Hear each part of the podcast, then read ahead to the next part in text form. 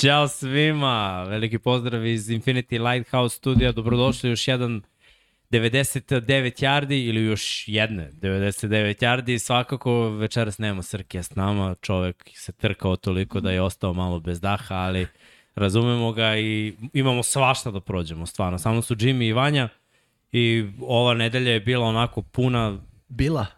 I Pa dalje. dobro, i dalje, dalje. da, da, evo, sad sam me šokirao, znači za 10 minuta koliko mi je trebalo do ovde, desio se haos. Niste više favoriti diviziji za 10 minuta. Pa, eto, ma nismo ni bili ni pre ovoga, sad tek nismo, užas, užas. E ćemo da krenemo hit. od toga, Break, breaking news. Breaking news, ali ajde da kažemo da uh, bilo je nekoliko breaking newsova da ga ubacimo u padež uh, i tokom uh, ove nedelje koji su bile undo, kao recimo za Darius Smith, Da. breaking Mhm. news kada ono, šalio sam se. Ali za sada je breaking news da je Deshaun Watson tradovan u Cleveland Browns. Petogodišnji ugovor, 230 miliona i 22 građanske tužbe i dalje protiv njega. To ćemo vidjeti kako će se rešiti, ali izgleda da Cleveland Browns imaju novog quarterbacka. Pa da, i kako se osjećaš zapravo, Mix, ček malo prebacim kada. Oh, A, Vanja ponovo u a, idemo pre backstage. da, kako se osjećaš generalno, Evo, iskreno? kaži me. Sad ću odmah ti dam. Tako se. The floor is yours. U tvoj diviziji. Prvo ovi ovde, Da. uđeš u Super Bowl, pa onda oni, onda uđeš u playoff sa Brotesbergerom. Sada ovi na koje si nisam ono toliko, pa da kažem da se nisam bojao toliko Brownsa, jer uvek sam pričao, a Brownsi, ja. S Bakerom sam bar znao na čemu su, sad nemam pojma na čemu su, to me najviše plaši. A dobro, oslobljeni su Brownsi, realno. Da, Mislim, aj, pa sad kad pogledaš, Hooper je otišao, je tu. Jarvis je otišao, Pa da. ovog centra su isto katovali, na malo su slabiji. ali gledaj, pre ovoga sam mogu Iskreno. da kažem da je Lamar top 2 quarterback u diviziji. Pošteno. Pa, pa sad i ne mogu. Sad je ono, sad su ozbiljni quarterback, mislim osim Pittsburgha, gde je ono Trubisky. A i to da kažem. A ja, Pittsburgh je lep posao uradio, Jeste, mislim, da, i mislim, ofenzivna Trubisky linija je bolje od ovoga što imaju Jest, ostalog. da. Popunjavaju se, ali aj, kad govorimo samo o kvalitetu quarterbacka, mislim, ono, Buro je mlad, ali je kvalitetan quarterback, Lamar videli smo već šta je. I sad dolazi Deshaun Watson koji je zapravo sa manje, to što, što si rekao prošle nedelje, sa manje Watson više pokazao, mislim, taj Houston je s njim ulazi u play-off. Pa čak i u ovoj sezoni kada nije igrao D-Hop, on je imao 5000 yardi. Mislim, stvarno dobra sezona pre nego što je bio sustavan. da. Sad nije igrao godinu dana za sve pozicije, ja mislim sem quarterbacka to, to znači ok, opao je malo što se forme tiče, ali za poziciju quarterbacka mislim, Znaš, verujem da je, da je on i dalje trenirao, bacao loptu, to je u Da. stvari najbitnije, da, da je gledao utakmice, pratio ridove, pratio trendove u NFL-u, jer ja mislim da najmanje fizičke spreme zapravo treba za, za poziciju quarterbacka. Mislim da, mi, glupo je sad što tako pričam, ali ako uzmemo koliko sve druge pozicije iziskuju da, da, ono, da radiš na sebi, da radiš na snazi, na kondiciji, Mislim, quarterbacku ne treba mnogo kondicija, tre- treba mu samo da bude odmoran i da može da baci 500 puta Jeste. dnevno. Jeste, mislim da, ali okej, treba biti i u formi. Zašto? Treba, da. Setimo se Jamisa Winstona i one slike sa onim stomačićem pre nego što je potpisao Dobro, za da li ti delo da, da je Deshaun taj tip? Mislim, Ne, ne, meni ja ne mislim da deluje. baš nije. Da. Mislim da je Deshaun Slažem totalno se. drugi tip atleta. Slažem se, slažem se, jeste u potpunosti. Ali Dešon je neko čija igra zavisi od njegovog atleticizma. Ne u preteranoj meri, ni on predominantno trkač, ali je neko ko produžava akcije sposobnošću da pobegne iz džepa, da uđe u džep kada treba, pobegne na stranu. Međutim, ja e, moram da se složim sa Vanjom. E, mislim da Browns ipak e, jesu, mislim, vidi, on i Baker Mayfield samo što su pikovi prve runde, ali Baker stvarno nije pokazao nije pokazao da je ispunio očekivanja pika prve runde u NFL-u. Deshaun Watson jeste. Tako da. Iako Deshaun nije bio pik broj 1, što Baker jeste bio, uh, Deshaun je izgledao bolje za svo vreme koje je igrao. A pazi, da li pričamo toliko o Bakeru samo da što je bio pik prve, prvi pik na draftu. A realno da je Baker bio pik druge runde ili treće, on bi sa, ova šansa bila već sad prokockana i uopšte ljudi ne bi komentarali sve možda dobije i ovo ili znači još jednu priliku i to. Znaš koje je moje mišljenje? Da je, da je Baker opet kako god bio najbolji quarterback Brownsa u posljednjih 20 godina. Istina. Mislim. Da, Birali su oni prvog pika, je tako, na draftu. E pa, ali to je opravdao poziciju. To Pa je gledaj, pitanje. neke- Neke, to je ovo neko očekivanje koje Da. imaš sa prim pikom na draftu. Neke, neke stvari mu nisu baš išle na ruku. Prvo, Četiri trenera u četiri mislim, godine. gledaj, ne njemu, bilo kome. Mhm. Ulaziš u onom, otprilike, jaku diviziju. Da ide ono, dve ekipe su playoff sigurno ekipe. Tako je on ušao u, u, u NFL. Nakon toga prva ruki sezona je bila dobra ako uzmemo u obzir ono, igrao sve utakmice, Tyrod Taylor, jedan trener, znači je, jedan sistem, pa se to tu nešto tumbalo. Druga godina, drugi trener, drugi sistem, pa uspostavi sve to, on je klinac, mislim. Pritisak veliki, prvi pik na draftu, očekivanja prošle godine nisi ušao u playoff, sad moraš. Nije, nije ispunio mm -hmm. očekivanje. Ide treća godina. Ok, novi trener, novi sistem. Da. Znaš, I, ok, ja mislim da je ispunio očekivanje u trećoj godini. Ušli u play-off, povezao se lepo nakon povrede Bekama sa drugim hvatačima. Nekako mi je tim delovao, naj, delovao najbolje, protiv čisto su bili ok u play-offu, dobili su jednu play-off utakmicu. Šta su očekivanja dalje sledeće godine? Ideš dalje. Da, mm -hmm. ili ponoviš. Mislim, osim toga, sve je neuspeh. Nije ispunio očekivanja. Ono što mu ja dajem respekt, on je dečko igrao bez pola tela. Bio povređen i, i gurao i bio je na terenu to je za veliki respekt. Čuo sam neke priče -huh. pre nego što je Deshaun Watson kao Jimmy Garoppolo. Mislim, Garoppolo propustio tri sezone i bio bench igrač. Znaš šta je bila glavna priča? Da Cleveland hoće odraslu osobu. Da, da. Adult, da budemo specifični, ta reč je bila konstantno u obrtaju i zato, su, i zato je na kraju Baker tražio trade juče, da. i, ali Cleveland rekao kao ne. Da, ja mislim da je Baker tražio trade zato što, mislim, to je još jedan dokaz ono što kažeš, da je malo ono sve kli, klinasto, klinjasto. Da. Mm. Ovaj, klinački. Klinački, pa da, znaš kao, oni su sad pogledali nekog Ljuc. drugog quarterbacka, ja sam ljut i sad ću da ih izbrišem sa mog uh, Instagrama. Ala Kyler Murray. Izvini, ko je to radio? A, da, Kyler Murray. nije, nije jedin. Znaš, malo, malo mi je sve to nekako glupo, jer mora budeš realan. Znači, mora da znaš da je to biznis. A šta je biznis? Imaš još godinu dana na ugovoru. Znači, sada oni mogu da dobiju nešto za tebe, ako te traduju. Ako budeš tu još godinu dana i ispuniš očekivanja, moraju ti daju mnogo para. Da. To je ono Kirk Cousins priča. Nisam siguran da Baker vredi para, a dobio bi pare kao što je dobio Kirk Cousins. Drugo, ako ne odigraš dobro, oni te katuju i onda oni nemaju ništa. Da. Ovako su bar imali nešto, znaš. Mm -hmm. E sad, ja sam mislio da će gađati neki ekvivalent samo nekog zrelijeg.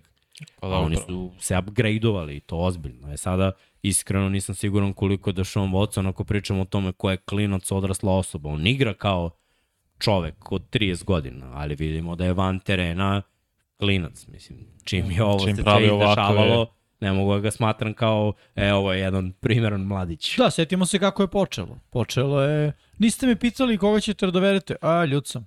Znaš, nije ni to baš prezrelo. Mislim, nije ni zrelo, realno. Da, nije, pa Tako baš da, nije. ali okej, okay, to su Brownsi. Znaš, nisam sigurno očekivao da Brownsi krenu u Potteru da vrate Brady iz penzije. Da. Sigurno to nisam očekivao. Nisam očekivao da Brownsi uh, flirtuju i koketiraju sa Rodgersom da budu u fuzonu. Nisi zadovoljan, dođi kod nas i on mi da. znaš, to ili. Russellom, ili tako. Ili Russellom, tako je. Oni traže nestabilne likove, ono. Trent Richardson, šta da kažem više, ono, pik prve runde running backu, čovjek dve Josh godine, Gordon. tri da. nestao, Josh Gordon. Mislim, ima ih, ima ih ima koliko hoće. Pa, Johnny Manziel, što, što, no, što da, njega da spomenem. Tako je.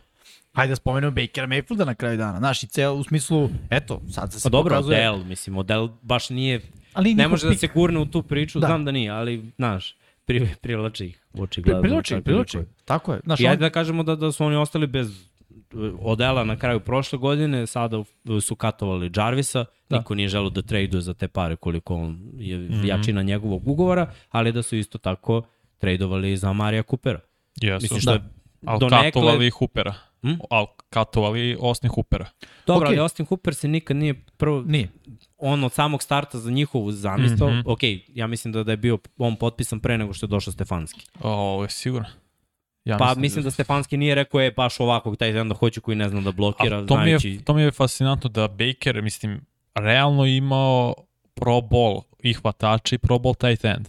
I pro Bowl trkače. Ali nije imao trenera koji je znao to da iskoristi. E pa to, da li je, do, da li je ono 50-50, malo pa je, Baker, pa, malo Stefanski ili naš? Ni, nikad ne mogu, ne, nije fair da uperiš prstom samo u jednu osobu kao, e, on je kriv. Znaš, evo, ajde da kažem samo kratko, je Brady osvojio Super Bowl pre dve za Tampa. Nije, ne možemo da isključimo jasno, jasno. šta je uradio defanzivni koordinator, ostali igrači. Pa i Bruce Arians koji je imao pa. njuh da zna kada da ono nagazi Brady-a, kada da ga pusti, kada da mu da, znaš, tako da, što kaže Miksa, uvek je kombinacija. Tako je, gledali mm -hmm. utakmice protiv Saintsa, pričali smo mm. u onom posljednje da je, no. ko je kriv, nije samo Brady, malo i Arians kriv. I uvek ima tu da, da je trener kriv i, i kako se neke stvari poklope. Za Cleveland se baš nije poklopilo.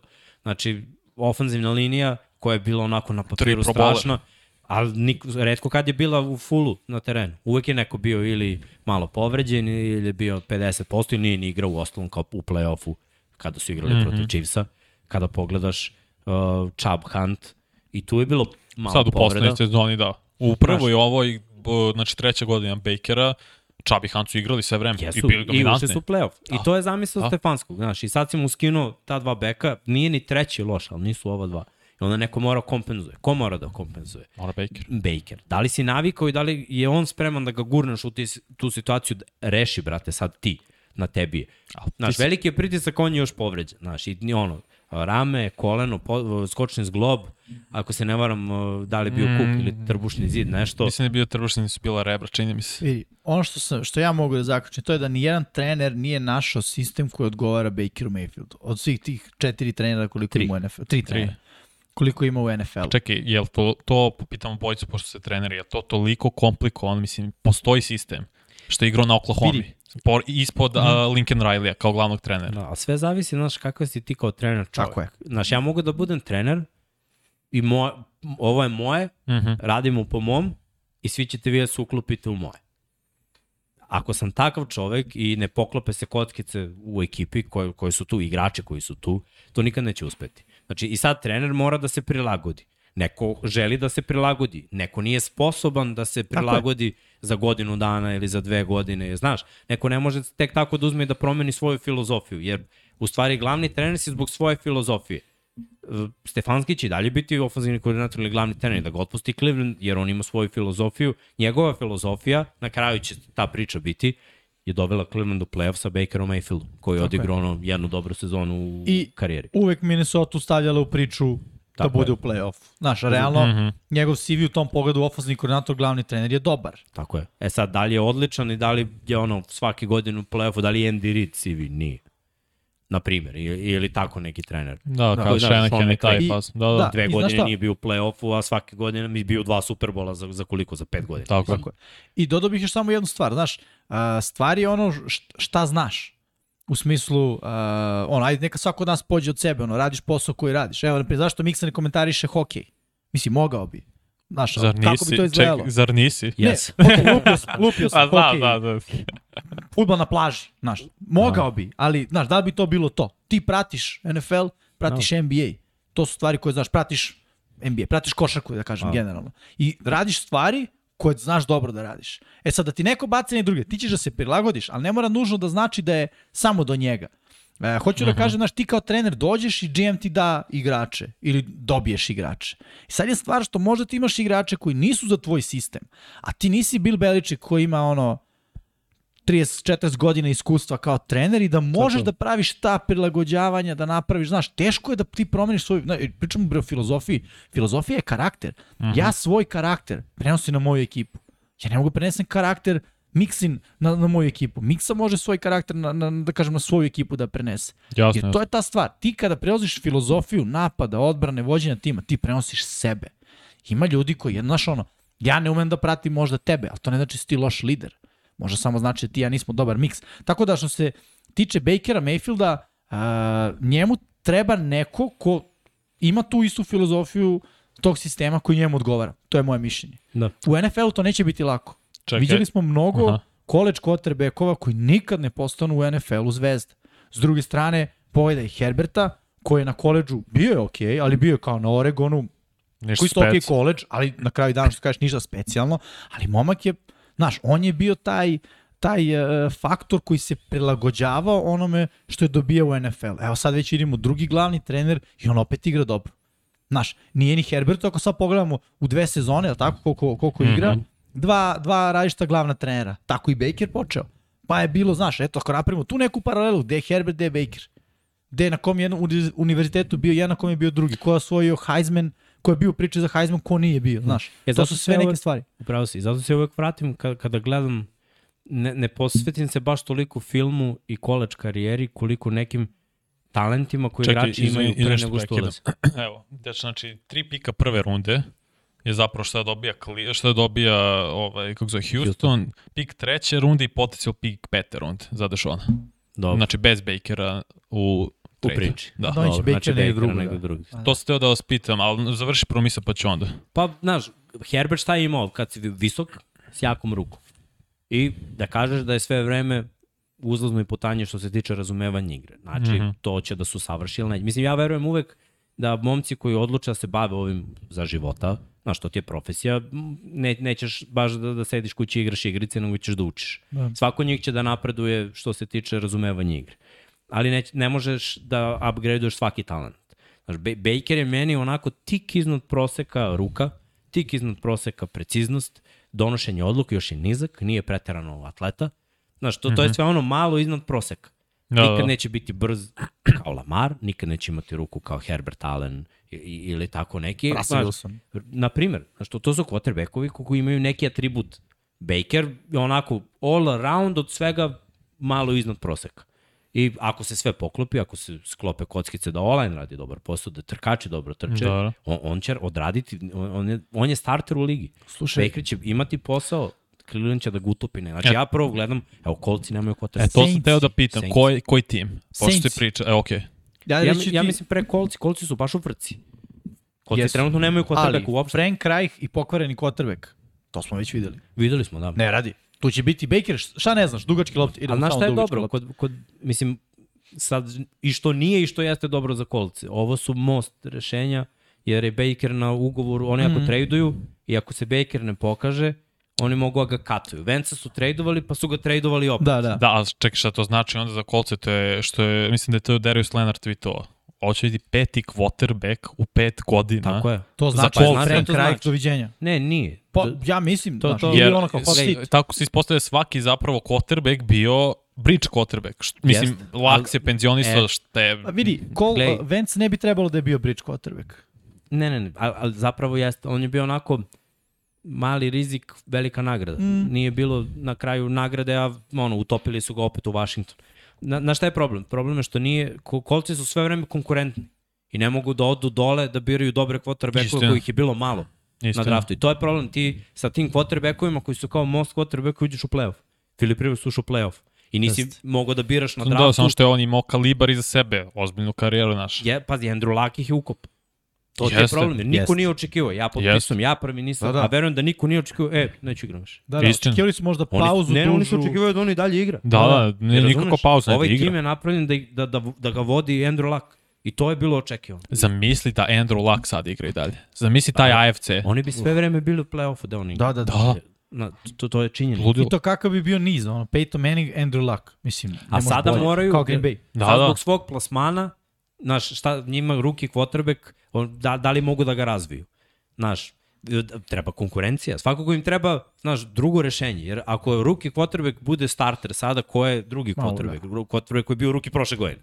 Mm -hmm. Sa ovim rosterom, Ma, ne, ti ne, ono, bu, nije, fe, nije ja, okay. Jacob Eason. Ja da sam Darius Leonard, ja bih poluda, bukvalno. Da, da, da. Šta pa radite vi to? Ja, Jacob Eason. Hm? Ja, Jacob yes, Eason, da, da. Da, rekao, dajte neko ko ima bakar neko iskustvo, znaš, neka poveže redove. Da. Šta znam, to, to je moja, ili, na primjer, neki ludački trade za ono, Metarana, na primjer, koji ima u da. sebi ono, tri godine, on je na ugovoru još dve, mm -hmm. mislim, zarađuje dosta novca, ali ono, iskalkulišeš Matt Ryan i ti si u play-offu. Matt Ryan u kolcima, to, to je bomba. Ozbiljno. Samo što ne mogu... Bombu u smislu dobar potez. Ne, neće ga tradovati Atlanta zato što s njima ide dead cap. Pa Znaš, dobro, da, postoji način. Mislim, gledaj, istrpeo bi dead cap za dva pika prve runde, tako. Mm. S obzirom... Ako imaju, ove godine nemaju kolci. Moraju sledeće pa, i one tamo. Razumeš, neki ide u napred. Pazi, Mislim, znaš šta, njima je okay, rebuildu. Da, Atlanti ok, e, dva pika sledeće godine. Jer mm -hmm. ove godine svako neće raditi ništa kogod je quarterback. Da, da, da, jasno. Mislim, da su Dešona dobili gratis, ne bi radili ništa. To je jedna od ideja. Mislim, pričamo o Bakeru. Ne bi to? bio loš potez. Mislim da je potez sličan ovom Trubiski u Steelersima, zato što ono, Trubiski je bio starter i pobeđivo je neke utakmice i u jednom trenutku je delovalo kao da to ima smisla. Možda je naučio malo sada pod Dejbolom prošao je nekoliko Josh trenera. Josh Allen ga je nahvalio i nahvalio i nahvalio. Gledaj, ako moram da biram Mason Rudolph ili Trubiski, Trubiski je bolji. Baker ili Trubiski? Isto je. Ja bi, ja bi Trubiskog. Ne, ja, ja bih sad ovog Trubiskog. Atlet, da. Bez negija. Ali niste ga videli, znaš, nije, nije fair malo. Ne, ne, niste, ga, si, niste ga videli. Je tako? Šta smo videli? Ušao i radio kneel down. Ej, to je. da. Znaš zašto zapravo Bakera smo mnogo gledali I Ne mnogo kao sad si previše. zasićen i znaš Tako je. šta je. Mislim da je Trubisky igrao i ovu godinu u u Chicagu. Chicagu, bi, je rekao bi bio bi bolji od Bakera u da. Clevelandu ove godine. Pravo si, pravo si. Miksa. Koliko ima pobjeda Baker ove godine? Da. 6, 7, Ne, 7, ne, ne, 9. nije Baltimore najgori u diviziji. Cleveland ima 8 ili 9. 9 pobjeda. Nisu imali 9. Ako nisu su imali imali i pobjeda. 8, Evo, stiže, stiže info. Ajmo. Ako možeš. Baltimore imao 8. Pa onda su imali Osam, ovi devet. 8, 9, da, da. Da je. Vrlo moguće. Nego hoću ti kažem da ono, Mhm. pobedili su, nije, nije kao da, da su imali ono, da, da su bili dno, dno lige. Uh, Sparnet. Čekaj, pravo ja. A, a, a, a, i, a, šta? Browns. Tako da što se tiče Rekord. ono Bakera i Trubiskyog, ja mislim da to sad, znaš, isto je sad, da ćemo... 8-9. Tako je, Osam, devet, da, znaš. Kao kad bi rangirali, znaš, jednog bi stavili na poziciju 20 od 3, drugog na 24. Sad, da li je ovaj ovde ili onaj ovde, Ok, Dok Nije ni ne važno. pričamo, Juju Smith u Kansas City Chiefs. Aha. dobro. Sad se može još neku titu u AFC zapad. Pa da, može. Aj čekaj, ajde, ajde, Ajde, da, završamo, da izvini, krenemo, samo da, sam- da, krenemo Da budemo sve ono aktuelni. Postepeno, da. Ajmo najveći trade u stvari, osim ovoga. Zato Ne, ne, ajde, glavnu vest. Pa to je to. Aha, glavna vest. Glavnu vest. Sa thumbnail, A, glavna glavnu vest. Da, glavna vest, daj tam Čekaj, sad, sad. Vidoviti miksa. Da, da mi gospod. Gleda u pasulj, kugle i beli mag, Ovo što hoćeš. skida crnu magiju Bela i vraća Bradya iz penzije. Neću da te lažem, ove oči su mi u, u veoma creepy na thumbnailu. Da, E, pogledaj. pa to je poenta. Čekaj, izvini. Misliš da je lako dobiti viziju, ali la... A šta, nije ti kripi što je prizvao Bradya da se vrati iz penzije? i da dođe u Minhen da ga mi gledamo, da potpiše. A, E. miksa. Ti ponese sliku. ne, Da realno, realno, pričali smo o tome dosta, rekli smo da ima smisla, neki nisu verovali, Vanja i ja smo verovali, možda sam ja verovao malo više, nekako mi je bilo nerealno da, da gledam sebe, znaš, da sam imao najbolju sezonu, a stvarno 5000 yardi u, na svojoj poziciji što se tiče bačenih touchdownova i, i bačenih yardi, verovatno ne bih rekao penzija. Razmotrio bi situaciju, znaš, da li je slučajno što si imao takvu sezonu i da li je konkurencija takva da ono, se ne obrukaš sledeće jer ipak imaš neki rezim i želiš da odeš onako dok si najjači. Mm. Pogledam diviziju njihovo, raspada se. Da, da. Ja ne vidim da Tampa, znači bez njega smo rekli da bi bili prvaci divizije. S njim su lagani prvaci divizije da. i pogledaš šta, šta se sve dešava po NFL-u. Mislim, oni i Ramsi su najveći kandidati da se on odigra NFC-u? finale NFC-a. Da. Oni Što Ramsi, znači Super Bowl. U, da, Packersi, da, možda, da. Pa tu Pa su doći ćemo Packersi, do te da, vesti da. da. zašto mislim Da. otpisujem Packers Da, koji da, su da. mi bili do sada, ali sad definitivno dve ekipe, Ramsi i, Baxi, s tim što Buccaneersi su već nekoliko stvari odradili. Jen, uh, Jensen Jensen kako god je potpisao mm -hmm. Tako je. tri godine ugovor, znači vratio se centar. Uh, doveli su, otišli su im iz ofenzivne linije je Marpet i Marpet. Marpet, Kapa, čini mi se. Da, Kapa, Kapa je otišao u... U Bengals. u Bengalse, a Marpet se povuku Tako polako. Da, da, da. Videli smo već Dobro, jednu ali penziju koja tradovan je za, za, tradovali su za Shaq Masona. Tako je. To je Znači, big deal. malo su se pokrpili, ide i draft, verujem da, da, da i tu može A, nešto. Ima hvatač? još, ima još dobrih ofenzivnih linijaša. Justin Gage. Justin, smo rekli Justin. Russell? Russell, Russell, šta mi je da. s Justinom ceo dan? Russell Gage. Možda si slušao Justin. A ne, znaš koga ima? Imaš Justin Gage je u UFC-u, možda se njega misli. Ne, nisam, nisam. Mislim sve vreme na... Ali Da. dobro, ono, Zaboravio ono što je važno, oni su ga, vratili uh, Gadvina. Jesu. To je Da. da. velika, mi to sam ja pretpostavljao, s obzirom da je vrhunski odigrao prethodnu sezonu mm. -hmm. za 15 utakmica, imao je 1200 yardi skoro, bio je najbolji hvatač, on Evans i radi okolo, sad se razmarta i ono i Fornet, ja verujem da, da i Fornet je verovatno u fazonu, ok, što da ne, osvim još jedan Super Bowl. Mislim, de, deluje mi da, da oni imaju neku zajednicu i, Dobro. i da, da bi to moglo da bude bolje. E, O.J. Howard više nije tu, ali on Tako nije je. igrao neku veliku ulogu. Ali to je ona dubina, sad pitanje je, verujem da će Gronk da se vrati, ok. Ma ja, 100%, Znaš, ako se slučajno ne vrati, ti si izgubio dva startna tight enda. Ali zašto se Gronk ne bi vratio? Ist, realno. znaš. Ne znam, kao Znaš, pi, ono, stvar- u naj, razmatram sve mogućnosti. Tako je, ali opet gledam Brady-a kao ono re, regrutora ili general. Pa Znaš, rekao, to toliko je, znaš koga sad da- traži? Julio Jones. Tako je. bre. Ja ne mogu da kažem neće Julio, jer ja na primjer da sam Julio i da? Brady kaže, nema veze, dubina. E, gledaj, nisi prva opcija. Znaš šta se tenisi traži od Julio? Budi prva opcija. Ili budi ono 1-2, Da. a u stvari 1A. A pazi, realno onda Chris Godwin ne mora se vraća prve nedelje. Ako se Julio potpiše. Ne Pa mora da žuri u, Tako u je. oporavak. E, kao sredina, početak oktobra, imaš ti vremena, oporavi Je- se jer- maksimalno i to je to. Ovo je i ona posljednja godina prozora, zato je Brady potpisao ugovor na još ovu godinu, to je ono o čemu smo pričali. Ovo je posljednja godina prozora, nakon ovoga većina ekipe Ide. ide. Znači, ostaće im napad, mogu da razvijaju dalje. Mi- Mislim da, da, da je Carlton Tampa odradila Davis isto sjajan posao potpisan. ovim vraćanjem Brady. Mislim, mislim da je on odradio sjajan posao, Win-win situacija. tako je. Za Tam, Tampu i Brady, mislim. I za nas evropljane, mislim. Definitivno. Ja, ja ne znam da li ćemo mi sad moći da uzmemo karte. Moram, ne, ne znam Mislim, kako moram. znam da mora, ali Brady prvi i poslednji put u Evropi. Da. Čoveče. Koja da da nije verovatno ima se sjati cela Evropa. Hoće. Treba im stadion od 200.000, a ne koliko ima. Tačno. 50. Tačno. Šta Isto. znam. Uh, uh, dobro, ajde, počeli smo da šaramo. Uh, Dobro, u stvari ovo je naj, mislim, najveća Da. vez zato, zato što je bilo čovek se povukao, sad više nije i ok, ja sam srećan, gledat ću Brady još godinu dana. Tako je. Ajmo, ajmo na Devonta. Devonte Mhm. Adams je Evo, ček. tradovan. Evo ti vidiš ovo. Sled događaja. Rodgers potpisuje ugovor.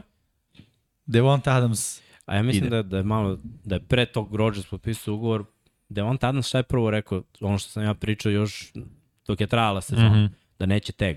Tako je. I tad sam i rekao da, da znaš, stavi se u situaciju da si najbolji hvatač u ligi, a on jeste u posljednje tri godine. Ova godina je bila kapova. Ali posljednje, te, prvo on je u posljednjih pet godina ima 7000 yardi. U pet godina, 7000 yardi. I najviše touchdownova u NFL. On je dvocifreni touchdown svake godine. Ne, nerealno na visokom nivou čovek igra. Kada uzmeš sve to u obzir i igraš u ekipi koja je ono contender, Mhm. igraš u ekipi koja ti ono pruža dosta toga i ta ekipa te ne potpiše u toku godine. Razumem zašto on nije on ne bi verovatno ni hteo. Zato što je Rodgers pre svega pre ugovora je u tom fazonu penzionišem se, ne penzionišem se. Uh, volim me, ne volim. Da, da. I šta ti to govori tebi kao igraču koji će igrati još 5 godina? Šta ako Rodgers sa ovih 200 odigra još godinu dana, osvoji Super Bowl i kaže dosta. Dosta. I ti ostaješ još 3-4 godine sa, ne znam, Jordanom Lavom ili tako nekim, a videli smo koja je to konekcija onda, da se patiš i da li ti to vredi za, za te pare. Znači, treba ti posvećenost na duge staze i trebaju ti pare. Ako Christian Kirk vredi 18 miliona po sezoni, Devonte vredi 25, Ali pazi, Devo, uh, Green Bay je ponudio više. ali nije ponudio sigurnost.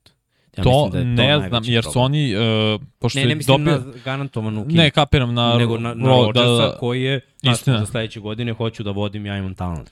Ne, ne, slažem se apsolutno, nego ono, uh, bio, imao je franchise tag koji nije ekskluzivan, znači mogu da priča s drugim timovima, ala Raidersi. Raiders su ponudili toliko, Green Bay ponudio još više, ali je bilo kao, ne. I onda su ga onda Green Bay pristao, ok, trade ćemo te. Da. Znaš, to je bio sled, da kažemo, događaja. Pa da, šta znam? Me, meni deluje da, da je sve vreme tu bilo u njegove glavi Rodgers, iako je ono vrhunski igrač, da li će biti tu sve vreme. Od, te, od tih para mi to ne znamo. Ja mislim da, da Green Bay je želeo da ponudi istu sumu za garantovanu, ako Jeste, ne i veću, jeste. O, da bi ga zadržali po svaku cenu, jer njima je ono, osvojimo sada Da. i, to je to, sve radimo zbog toga. Tako, osvojimo sad i mirni smo od navijača Tako je. narednih 5-6 godina da Ali- nas ne pitaju. verovatno u Adamsovoj glavi Može i bilo šta ako Rodgers, šta ako Rodgers ima drugog quarterbacka s kojim je igrao na, na Fresno State-u. Derek Carr, bivši mm -hmm. igrač. Za Kara znaš da će da igra još 5 godina, Vidi, 4-5. I ne samo to, i Raidersi sad deluju kao jako zanimljiva ekipa, pogotovo u napadu. Jer kad je došao novi glavni trener, a, stvari su postale po meni onako jako interesantne za Raidersi. Mislim da će Raidersi biti sve atraktivnija ekipa za napadače da ono budu deo cele te priče. I kao što si rekao, dugoročno gledano, po meni, Raidersi možda čak mogu da kažem imaju bolju priču od Packersa. Mlad trener, McDaniels, koji ima potencijal da bude dobar glavni trener, ako je neko ispekao zanat kod Beličeka, to je onda on, mogu da kažem slobodno. E, ofanzivni je um, to je isto dobro kada si hvatač i prelaziš u drugu ekipu. Quarterback je mlađi, Derek Carr, potencijal postoji, imaš već, e, ono, bit ćeš broj jedan hvatačka opcija, ali nisi broj jedan i niko drugi. Da. Ma voler. Ima i Renfro, 1000 yardi. I. Renfro, tako je. Imaš, I niko nije konkurencija nikom. Imaš Renfro, nekog su doveli, izvini. Kog su doveli? e, doveli su... U odbrani misliš? U napadu. Otišao je Zay Jones, ali je Otišao je došao. Zay Jones. da. Otiše Zay Jones. Ajde, pogledat ću sada ja dokle, Ajde, dokle ne, pričamo. bo, lako ću ja pogledam, pa vi nastavite. Ovaj, e, Sve u svemu i odbrani su Mhm. doveli neke zvezde. Tu je Chandler Jones sada, otišao je Yannick Ngakwe. tako je. Za Rocky Asina. Rocky Asin Da. Činimo se je takođe tu. A, a, a, a, a, sad ću ti tačno reći od ovih većih imena, pošto upravo gledam sve Ili sam- Ili sam transakcije. pročitao da, da rade na tome. Svakako ajde da pogledamo šta su dali. Dali su prvu i drugu rundu. Packersima, Da, potpisali su running backa Amir Abdullah, to sad gledam. Brandon Bolden, fullback J Jacob Johnson, to su ili Tako Jakob, je. pošto je iz Nemačke. Anthony, e, uh, to je ovih cornerback. Patriots isto što ga je u stvari McDaniels i doveo. Jest, da, jest. tako je. Da, to Tako je, je. to je verovatno. To A- je, Alec Pars su potpisali ofenzivnog linijaša. ne, to što je- se hvatača tiče, nešto Onda mi ništa. nije u glavi da su ovaj potpisali nekog uh, Mac velikog. Collins, ali nije ništa specijalno. Da. Da. Da, možda sam, Ali u svakom možda slučaju, sam pročitao da pre, ono, traže još Mm. da, nekog. u svakom ali- slučaju postoji jako interesantna ekipa da budeš deo te priče. Jeste, pogotovo na duže staze, aj E tako sad, da kažem. pazi, šta, im, šta, šta mislim da ne ide Devonte u, u to kao ovo je bolje. Mislim, pogled diviziju. Sad u toj diviziji, Brutalno. Derek Carr je najslabiji potrebek manje više. Ekipa, ne da nije zagarantovan play-off, nego ti nije zagarantovan da nećeš biti četvrti u diviziji. To, to, je. to je veliki problem, ja mislim. Imaš Chiefs-e koji su u play-offu svake godine, imaš uh, Chargers-e koji da kažeš ono su ekipa koja je za malo u play-offu i sada Denver sa Russellom postaje play, mislim, postaje play-off ekipa koliko su i Raidersi. Raidersi jesu prošle godine ušli u play-off, ali s drugim trenerom, Mhm. nošeni ne, ne nekim ludačkim entuzijazmom i nakon svega što im se izdešavalo i opet biće drugačiji malo tim. Ja kažem, nisam siguran koliko je Chandler Jones upgrade u odnosu Janika Ngakua, jer Janik je zdrav i igrao sve. Bio je u Baltimore, gledao sam ga kako igra, bio je u Minnesota, gledao sam ga u Jacksonville, on je all around igrač. Možda nema tu, mislim, on je imao prošle godine više sekova Maxa Crosby Da, da. koji je dobio brutalan ugovor sad za ovu godinu. Ali kada pogledaš ovako, naravno, bit će sad kakve hvatače imaš u, u toj diviziji. Da.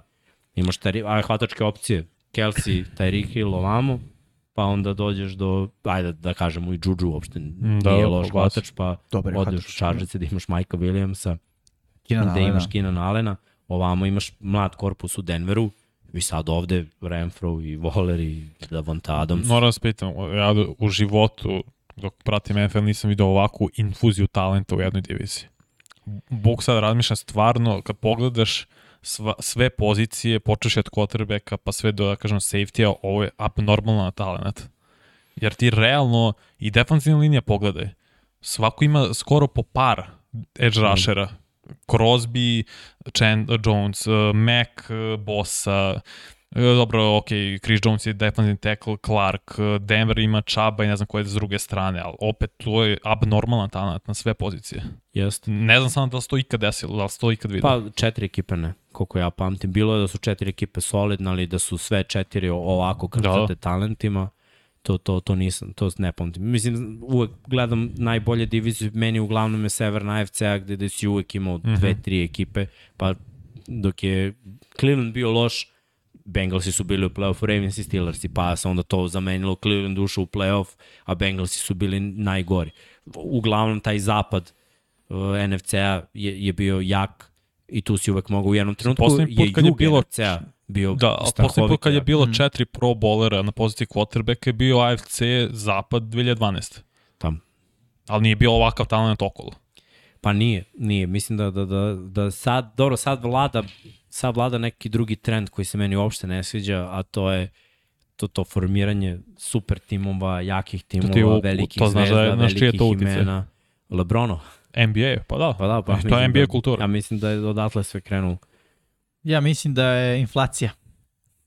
Zato što su ovi ugovori, pa cap se povećava.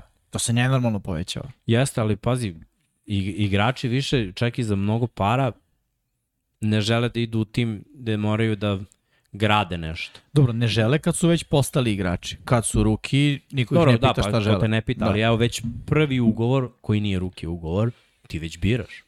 Znaš, mm -hmm. i Da. gledaš, znaš, već ovo vrbovanje koje sada ide, nekada, ja mislim da to nije bilo tako. Mislim da je nekada bila priča da igrač koji je istvojen, evo dajem primjer, u diviziji ste, koje god dve ekipe. Sada, kada je slobodan agent iz jedne ekipe unutar divizije, Cimaš ga. gotovo svi ga cimaju iz druge ekipe, znači ljuti rivali, kolju se na terenu, mrze se kao, brate, dođi kod nas. To Da. nekad nije bilo, nekad ga ono u fazonu. I da dođe, bio bi hejt neko vreme dok se on kao ne dokaže da, da je sad pripada. Da. Znaš, to, to je nekad bilo nezanimljivo, nezamislivo. A sad mislim da je ono kao, Pa dobro, znaš, mislim da se generalno ceo svet kreće u, u smeru sve je okej. Znaš, ono, sve je okej, što da ne. Kao što kažeš, u NBA oni svi treniraju zajedno, onda izađu i igraju jedni protiv drugih. U NFL-u treniraju zajedno, ono kao da. Russell Wilson baca loptu hvatačima, ne znam, Green Bay Packers. Ko, mislim sad lupom gluposti, ali ono, kao naš sam se tu, došao Rodgers u Kaliforniju, video je Coopera Cup, e, aj što da ne, on video kao, čuo se šta radiš, aj odradimo neki trening zajedno, ajde, kao što da ne. Jer kao, sve je okej. da, sa- sa- sad ono, ba, baš je zanimljivo. Mislim da, da, da će taj zapad da, da, da bude brutalan. A ovaj sistem možda mogu da budu četiri ekipe u play Da, dozvoljava to. Da. Može da se, mislim, ja sam siguran da se neće desiti zato što, mislim, i ostatak AFC je krcat Jeste. i bit će, bit će i tu baš ono, zanimljivo. I ova godina sledeća je za, za AFC Malo ludilo, baš, da. da. Za, za NFC nisam siguran da je toliko. A što, ajde da kažemo šta dobiju Packersi. Mislim, Packersi sad moraju da iskoriste ovogodišnji draft da odmah obrate pažnju na, na poziciju hvatača u prvoj rundi i to verovatno tim pikom. Da, da. Ali to je neki, moram sad da vidim, ali mislim da je to neki 20. pik. Pa da, oni su ispali u wild card rundi, Raiders, Da, znači tako to je, nešto. ušli su u playoff, Znaš, da kažem da su među 14 najboljih ekipa, ne znam tačno gde su, ali pa neki s 21, 2, čini Pa da. mi se. tu, tu moraju da budu. Od 22 pa na, Da, na dalje. Na niže. Da. Tako da ne znam, mislim, gledaj, krcata je generacija, trenutno od hvatača tu je Lazar. Uh, Ekvenemio Saint Brown je potpisao za Berse, tako je. Koba su katovali, mogu da ga vrate za manje para, ali mislim, Zašto? ono, ko... Čovjek. Ba, ima- zato što ti treba neko, trebaju ti tela. Ne, zašto znaš. bi on hteo? Pa zato što re, realno ako to ne uradi, nema gde da igra. Ja Da, ne da. znam ko bi potpisao njega. Mhm. Ovako, na Rodgersa, na neko drugarstvo, on bi mogao, ok, da, da odigra tu jednu godinu ili ne znam, ako se dokaže možda i više, ali za sad jedna godina ugovor na neki veteranski minimum, mislim da je to jedino što preostaje Kobu. Ostatak hvatača, to, Tonja se vraća nakon povrede, mislim on je tight end, ti, ti, to je to, dubinu više nemaš, sve si izgubio drugo što imaš. Možeš moraš da draftuješ I hvatača. moraš da, da se sad potrudiš da Rodgers na svoje ime dovede nekoga koji je željen dokazivanja da je prethodna sezona bila ona slabija zbog situacije. Na primjer, ko- Jarvis Landry. Tako, Da, tako bravo, neko bravo. ime. Jer igrao sam s Bakerom, igrao sam povređen celu godinu, imao sam 800 yardi hvatanja. Petostorki pro bowler, veliki mm. -hmm. broj hvata. Ajde da vidimo kakav bi bio da mi ne bacaju Tenehill i Mayfield. A- Dajte mi Rodgersa. Na Pazi ovo, da li može Odell? Može Da, i Odell, potencijalno. Ali Odell ti neće igrati do novembra. Sigurno. Sigurno. Da. Znači od februara da kažeš Da, upravo ono, si. oporavak i kad A- budu bio u novembru ti mora da ga Imam- sačekaš malo, aklimatizacija. Imam još jedno ime, Cole Beasley. Da, pa Pa u On bi se slotu, uklopio da. u slotu. S tim što mislim da Cole Beasley, iako je jako dobar jedan na jedan, nema toliko mogućnosti kao Jarvis Landry. Ne, ne, nema, nema, slažem se. Da li- Mislim da bi mogli obojica da dođu. Da, da bi mogli obojica da dođu. Jer Cole Beasley malo i nije, da kažem, zanimljiva uh, roba, da se tako izrazimo u ovom trenutku. Zbog situacije prošle godine on nije vakcinisan. Da. Na, bilo je priča oko toga. Idealno, NFL je idealno za ukinuo- Rodgers. Kako? Idealno za Rodgers, eto. Idealno je za Rodgers, ja se slažem. Ovaj, u svakom smislu. Pre svega mislim igračkom. Ali ja se kažem, NFL je sad ukinuo sve te procedure, ali znaš kako vlasnici ne vole baš svi taj neki tag da dobiješ. Pa kivni su, zato i... Koji je mislim, društven. Da, bi... E, E, a Mari Cooper isto nije bio vakcinisan. Ja verujem da je to jedan od razloga zašto ga je Jerry tradeo. Ja teo da ga katuje. Znaš, znaš šta je razlog? Znaš, Ideš a godine... Na, ono, tako je, godinama je u ligi i, i znaš, igra isto kao i Michael Gallup, manje više. Jest. I druga stvar, drafto, realno, momenta kad su draftovali CD Lemba, meni je bilo jasno su Da. Danija Mari Cooper Da, odbrani, da. mogu samo, mogu samo da uzme prsten. Da. Ako da se desilo, ali Da, nije da, se da. desilo, to je to, mislim. Tako je, ovamo, kad pogledam, znaš, treba ti neko ko je zvezda, ko je broj 1 i ko može na Pro Bowl. Sad pogledaj NFC, kakav je što se tiče hvatača, Jarvis Landry, ako bi došao u Green Bay, automatski postaje top 10 hvatač u konferenciji. Julio. I, Ne, Pa, ne verujem. na, mislim da, da, da je Jarvis trenutno bolja opcija Jest. zbog, Zbog- zbog forme Mhm. od Hulija. Mislim da do Hulija polako stižu sve te povrede. Ma da. M- Misliš da ne mogu obojicu? Gledaj, oni mogu finansijski, da, ako su teli da daju 25 Sedam. miliona, Ne, dva, više. 27, više su 8. hteli da, daju. Dobro, ali ajde da kažemo i da su hteli 25. Mhm. I Jarvis i Julio Staje. su manje od 25. Jasno. Trenutno, ako uzmeš u obzir. Ako žele više, mislim da su u zabludi. Mislim da niko neće platiti slot receivera više od 12-13 miliona. A Julio je definitivno više nije, mislim, on je robio banku kad je mogo. Sad ne vredi, Julio ne može da traži 15 miliona po sezoni. 10 Znači- realno. Njih dvojica zajedno je, to to može da bude 25 po sezoni A- i imaš dva dobra hvatača. Evo sad čitam ko su free agents trenutno. Ne sad svi, ali kao neka top imena. Odell Beckham, Jarvis Landry, piše Juju, ali on je večeras više nije slobodan agent. Uh, Marquez Valdez Scantling, T.Y. Hilton, Jamison Crowder, Sammy Watkins, Will Fuller, Killon Cole, AJ Green, Emmanuel Sanders, Trequan Smith, Cole Beasley. Realno i nije nešto preostalo, da kažem. Ako izuzmemo da će Beckham verovatno da ostane u Remsima, baš zbog toga što si rekao, ono, povređen je, vraća se tek u novembru, mislim, nijedna ekipa nema puno motiva da ga, da ga potpiše osim Remsa, gde je već bio ni on, čini mi se da se pronašao i u LA-u ono, kao gradu i da njemu generalno to, to prija. Jarvis bi bio odličan pik, Pa da. definitivno i po meni Cole Beasley. Jarvis i draftuješ. Da, Pika Jarvis, runde. Cole, Cole Beasley i draft. Ali mislim da neće ići toliko na krcanje hvatača. Ali Znaš. meni to nije krcanje. Realno, Beasley je isto, Razumem. znaš, injury Ali prone, gledaj, u smislu, jeste. znaš, Ali ne, ne igra cijele godine. Beasley će tražiti bar 8 miliona. I neko će mu dati 8 miliona. A tih 8 miliona možeš da dodaš na neku sumu koja ti ostaje da vratiš za Dariusa Smitha, na primjer, koji je i dalje slobodan. Ili tako neko. Da. Treba ti dalje da Rasul NFC-u... Douglas, čini mi se da nije potpisan za Da, da, moraš da ostaneš do nekle konkurentan. Imaju oni još neke situacije koje nisu razrešili. Dobro su im došli ovi pikovi, jer mogu da izaberu nekog u ofenzivnoj liniji sa svojim pikom Mm, na prve primer. runde, što bi im, Ako ostane. jer je Billy Turner otišao. Znači, kad, kad uzmeš all around, nisu oni u sjajnoj cap situaciji. Rodgers ih je uništio sa ovih. Pa, i Rodgers njegovim je ugovorom, uništitelj kepa. Ali to nije toliko zagarantovao njegov ugovor što olakšava situaciju za cap. Jeste, ali Da. ajde budi realan. Mislim, Pa ok, dobro, ne kažem da ne zaslužuje. Nego kažem sad, zahvaljujući tom njegovom ugovoru, oni ne mogu da potpišu sve igrače koje su hteli. Je tako? Istina. Znači moraju sada da idu ono sistem eliminacije, ko nam je najpotrebniji Da. i ono šta možemo sebi da priuštimo. Tako Istina, da ono, istina. nalaze u, situaciji gde, gde sada padaju na trećem mestu u NFC-u odmah, znači od samog starta odlaskom Devonte Adamsa. Jer i dalje mo, mi ne znamo šta su Packersi dok ne dođe hvatač koji može da bude broj 1, dok ni izaberu na draftu hvatača koji može da bude broj 2, Da. ekvivalent Lazardu i ajde da kažemo tu onda Tonjan, imaju dva beka, online i odbrana da, da, da se skocka. Mislim, imaju dobrog trenera, imaju dobar sistem, ali sve je dalje i dalje. I dalje imaju dobro quarterback, ali ima ih još u NFC. Ni, ni, Da se zadržimo na NFC-u, Alan Robinson je potpisao Za Rams. za Rams, Za Rams. što je big deal zapravo. Jest. Jeste. I za Rams je ovo dobra kalkulacija. Zašto? Zato što imaju dva vrhunska hvatača koji se oporavljaju od povrede prednjih ukrštenih ligamenata. Ja ne znam kada će Woods da se Zar vrati. nije Woods Ahilov? Ne, ne, mislim da su Sigur- ACL, da, da. Mislim da je, da, da je, Okay, mislim da je Ahilov tivo pokidao, čini mi se. ja mislim da, da je ACL. Možda greš, možda greš. Dobro, sad ćemo imati. Ali svakako oporavak je šest meseci za jedno i za drugo. Torna ACL.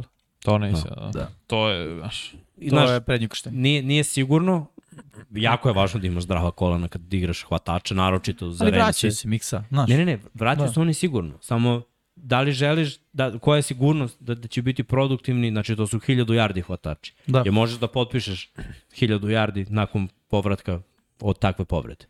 Ne možeš, Allen Robinson je 1000 yardi hvatač koji je Da. zdrav, koji je zbog odluke trenera bio benchovan i izostavljen, onako trčko je ruta, a akcija je bila na drugu stranu. Da. To trener radi. Mislim, to je on i pričao da mu je najviše smetalo kod Negija na kraju za, za taj njihov odnos. Zbog čega je i tražio, on je igrao na tegu prethodnu sezonu. uh -huh. On je jedan hvatač koji je, evo, samo nabroj quarterback u njegovoj karijeri s kojim je on imao Ma 1000 da, da, yardi. istina. Blake No. Bortles, tako je. a posle Blake Bortlesa uh, došao je kod Miča Trubiskog, proti, posle Trubiskog igrao je sa Folsom i Daltonom, mislim, I sa stvarno. ovim klincem. Da. I sa, za kim je čovjek igrao, ima 1000 yardi, Ne, ne, on je kvalitetan, tu da nema to govora. dajemo Stafforda i druga priča. Jeste. Opet tu je Kap, tu je on imaju uh, ovog Vana Jeffersona i čekaju ovu dvojicu nakon povrede. Mislim da će zadržati u bojicu, jer su Ramsey ekip, mislim da, da je Beckham u interesu ono da, da se Ma da. one year dokaži Opet se. Godinu Da, da. dana dokaži, opet, jer da je on ostao zdrav. 15 Išao bi, miliona. negde, iš, išao bi negde za 10-15 miliona lagano. 15 laga. Zato što je imao u, on, u finišu se nahvatao touchdownova puta, u samom play-offu je on I bio je faktor u play-offu i u Super Bowlu kako je krenuo. Tako je. Jeste. Sad je već ono druga priča. I mislim, ako se bude vratio ko što ja mislim, u novembru, šta će on igrati? Ono, par utakmica u novembru, decembar, januar je playoff, i, i to je to, mislim, jako kratka sezona za njega. Wood se povredio ranije, pa ajde da Wood kažemo da on ima šansu povredio- da igra celu Pa godinu. prošlo je 4 meseca od njegove povrede. Znači on je U nedelji realno... broj 10 protiv 49 Da, znači on je realno na pejsu da se vrati za prvu, za, uh, za prvo kolo. Da, ali na šta će biti problem? Što ti sa tim igračima ne, ne možeš na trening kampu full, Da. ne možeš predsezonu.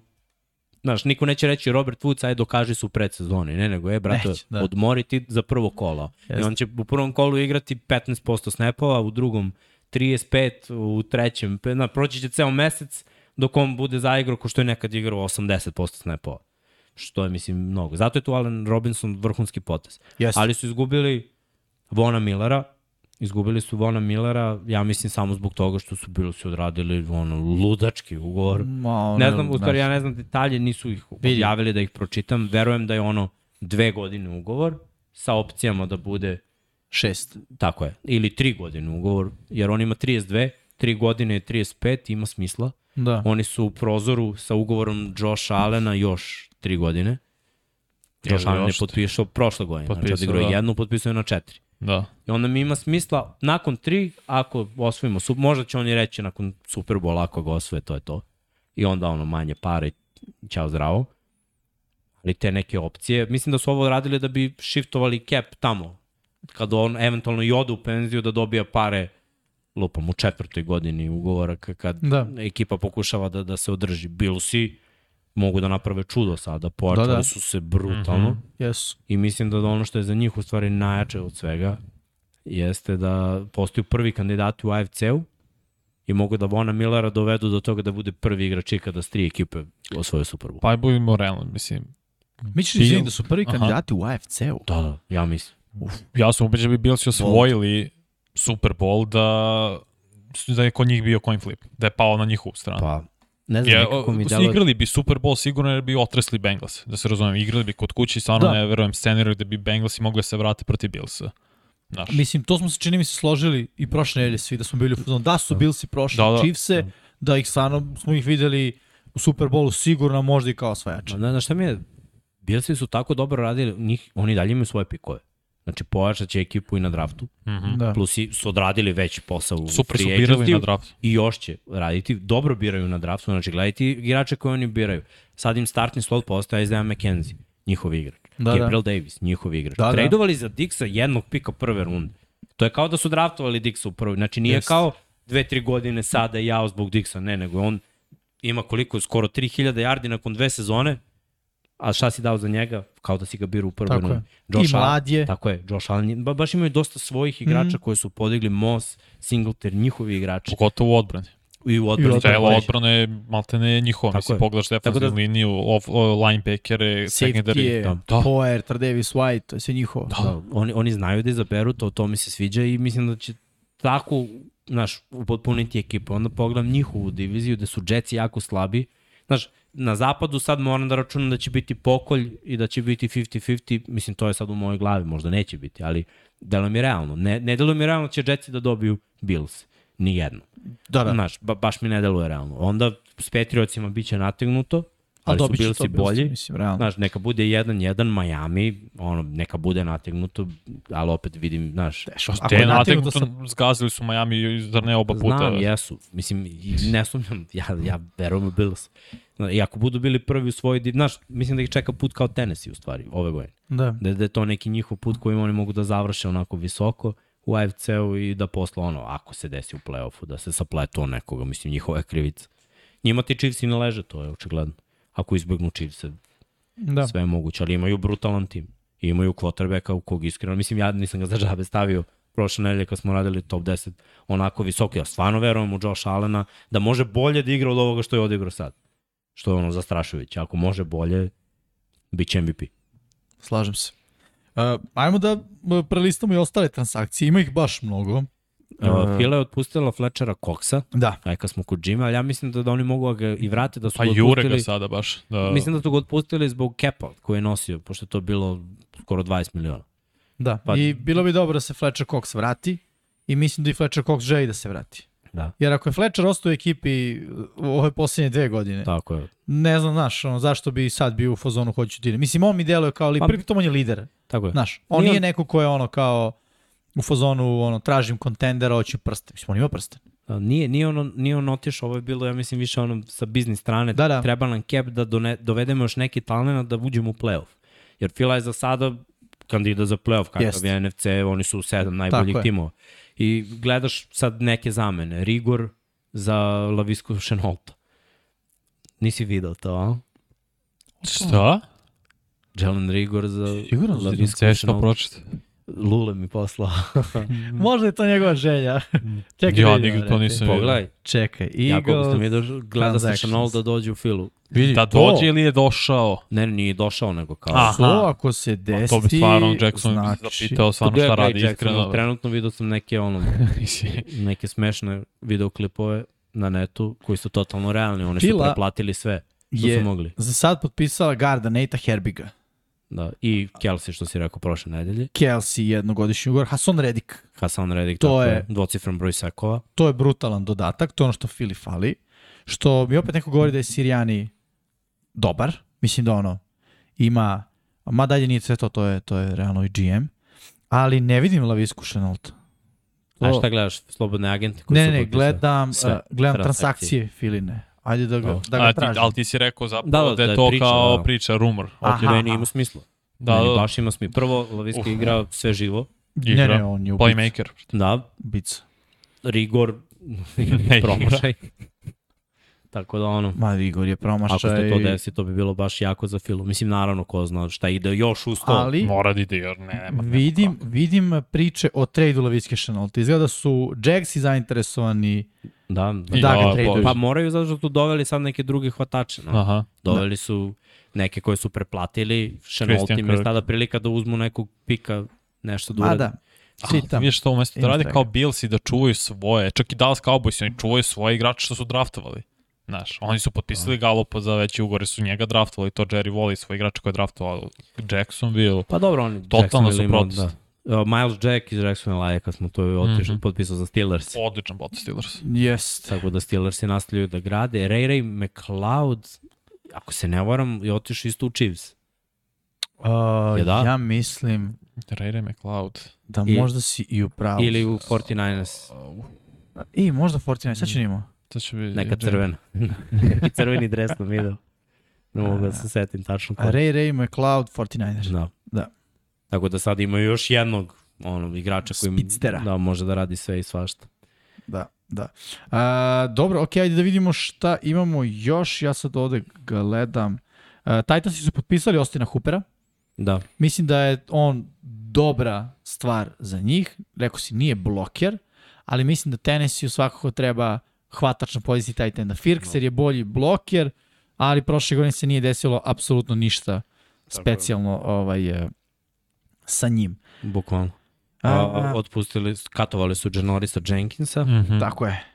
i Julija Jonesa. Jeste. To je su Janik. Ngakwe, spomenuli smo ga, on je sada u Indianapolisu. I to je isto ozbiljna defensivna Da. linija. O, mnogo ozbiljna. Tako je. Došao je, znači, to smo rekli, Rock Yasin u uh, Raiderse, a Ngakwe je otišao u uh, Indianapolis. Seahawks i sad onako možda nabacujem, ovaj, je samo ima dosta transakcija. Da, da, pa ne, ne da- moramo da idemo od tima do tima, Tako nego šta ima. Za Seahawksi su katovali Carlosa Dunlapa, to je već, ovaj, mislim, Očekivano, Pa da, veteran, mislim, tu, tu nema ovaj, e, šta. Uh, Javon Bentley je potpisao ugovor sa Patriotama, Dobro. ostao je. To je dobar, da kažemo, potez za, pac, za Petse. Pets su potpisali Taja Montgomerya. Zanimljivo. Da, spomenuli smo da je Jakob Johnson otišao u Raiderse, bivši fullback Patriota, i Brandon Bolden. To su potezi McDanielsa koji ono, Ba, dovodi dovodi ljude koje poznaješ. igrače. Pa da. Uh, Karolina je potpisala Bradleya Bouzmana, ovog centra garda Baltimora koji je stvarno bio visoko ocenjen pro, Jeste. po Pro Football Focusu. I očekivalo se to, pošto nemaju Ravensi para da ga plate, a imaju dubinu na, na gardu. Tako da, mislim da je ovo dobar potez za, za Karolinu. E sad oni imaju drugi problem, a to je problem uh, Svega quarterbacka. Pa, pa nije svega ostalog, Pa quarterback. meni je sada problem i uh, kako se zove, stavi mozak čoveče, trkač.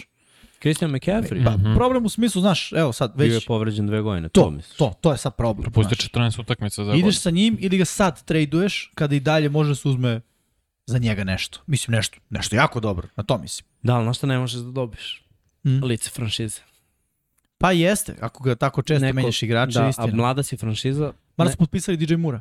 znam, ali koji dres šta misliš da je prodavani? Pa, nema šta. Pa, Pa, na, dvojka, da. ti kad ga, sada da ga katuješ, malo, malo si izneverio fan bazu, već si menjao vlasnika, Jest. kratko postojiš, bio si skoro u Super Bowl, treba neka zvezda, mislim, bar u odbrani da imaš jednu takvu zvezdu, a nemaš. Istina. Znaš, nekad je bilo ono, Julius Peppers je prodavao svoj dres. Ili Kihli. Kuechly. ili Kik. Jeste. Sad nemaš, nje- znaš, nemaš takvog igrača, mm. gradiš takvog igrača, ali McCaffrey ne igra dve sezone, je i dalje najveća zvezda u Karolini. Jeste. Ubelju, nema To, druge. o tome vam pričam. Uh, Bucks su potpisali Logana Ryana. I to su veterana. ga potpisali posle, Logan je mislim već igrao sa Bradyem u Patriotsima. Ja mislim da jeste. bar Presako jedno. mu je Jeste, posljednji jeste. pas koji ovaj bacio u dresu New Englandu u play-offu kad je ovaj igrao za Tennessee. Tako je. Logan Ryan je otpušen i posle manje od 12 sati je potpisao ovaj ugovor. A znao. Iako ljudi pričaju da Logan Ryan nije ono toliko dobar igrač na svojoj poziciji, meni je on jedinstven igrač. On, on je igrač koji može da igra on free safety, strong safety, nickel cornerback, Jeste. staviš ga šta god, on, on sve radi iznad proseka, možda nije najbolje na svojoj poziciji, ali toliko lepo može da se uklopi u odnosu na Jordana Whiteheada. Je ozbiljan upgrade. Uh, I Carlton, još. Carlton Davis je isto potpisan strane Mhm, uh, da. Tampe. Vraćen. Vraćen, tako je. A Cowboysi su potpisali, to je produžili ugovor Van Der Ešu. Da. Ide Marcus Lorenz. I da, Ja mislim da to nismo rekli. A Nismo, to je... Gregory... Gregory e, bio. Da, re, gre, to nije isto bilo prošle nedelje. Mm. -hmm. Gregory je usmeno se Tako je. dogovorio, došao je ugovor u kome je postojala klauzula da ako, na, ako dobije neku kaznu, kao fine, da nema zagarantovane sume. uf, za njega je to realno, I odmah, nema zagarantovane sume odmah je odmah. odbio da... To odmah je video ponudu Denveru i rekao, ok, Tako je. Tako da kad smo već kod AFC Da. da. zapada, Uh, I Strašno. Collins je katovan. Cowboysi E, to mi, bi, to mi je bilo šokantno, iskreno, što ste E, ali meni nije. startnog tekla. Zato što je prošle godine bio problematičan, dopingovao se i na sve to je propustio, znači prošle godine on nije igrao ni 10 utakmica, a oni su ga zamenili, igrali su i bez njega. I onda, znaš, kad uzmeš ovdje da su igrali bez njega i da su igrali solidno bez njega, a da on ima neku cenu, Conor Williams ga je beše menjao, za tako ne? je, i meni ga vrh. I, i na- neko ko mi deluje, ok, mislim, mog, Dallas ima dobrog trenera ofenzivne linije, dobro funkcionišu, može to da se zameni, a nekada sam pročitao da je, da je Le, Le Collins Je već Ovaj, našao? Da, da, da, da, da je već imao Pa neće im biti problem da nađe, znaš. I to, ne, nemojte me držite za reč, ali baš mislim da su Bengals ili tako nešto. Da, da... Bengals ako to urade, ono, Mm, video sam negde, S, nemoj da me držite za reč, možda sam Da. glupi. Baltimore je potpisao Morgana Mosesa, koji je Jeste. igrao za Washington i, i Jetsa, solidom desni tackle, on planina od čoveka. Uh, potpisali su ha, ha, ha, Da, Jetsi upra- i upravo Tyra. Conklina. Da, ali upravo si za Sinci. Otišao da poseti Sinci Collins. Da podsjeti. da, da.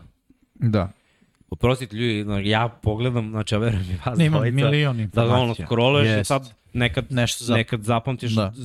zapadni i dalje otišao i dalje potpisao, pa je nekad potpisao, pa verbalno je prihvatio, a nije Da, ovako. ludilo, ludilo. Više nema ono kao izbace vesti, to je to, nego sve svašta. Rahim Mostert je u Majamiju. Dobro, to očekujem, nije igrao dve godine, Da. a ovi klinci kidaju. Znači i Mitchell i Wilson za manje para igraju Plus San Francisco realno uvek nalazi running back. Tako. To je poslao baš ono. tako. Mostert imao svoje dve šanse, nije ih iskoristio i to je to.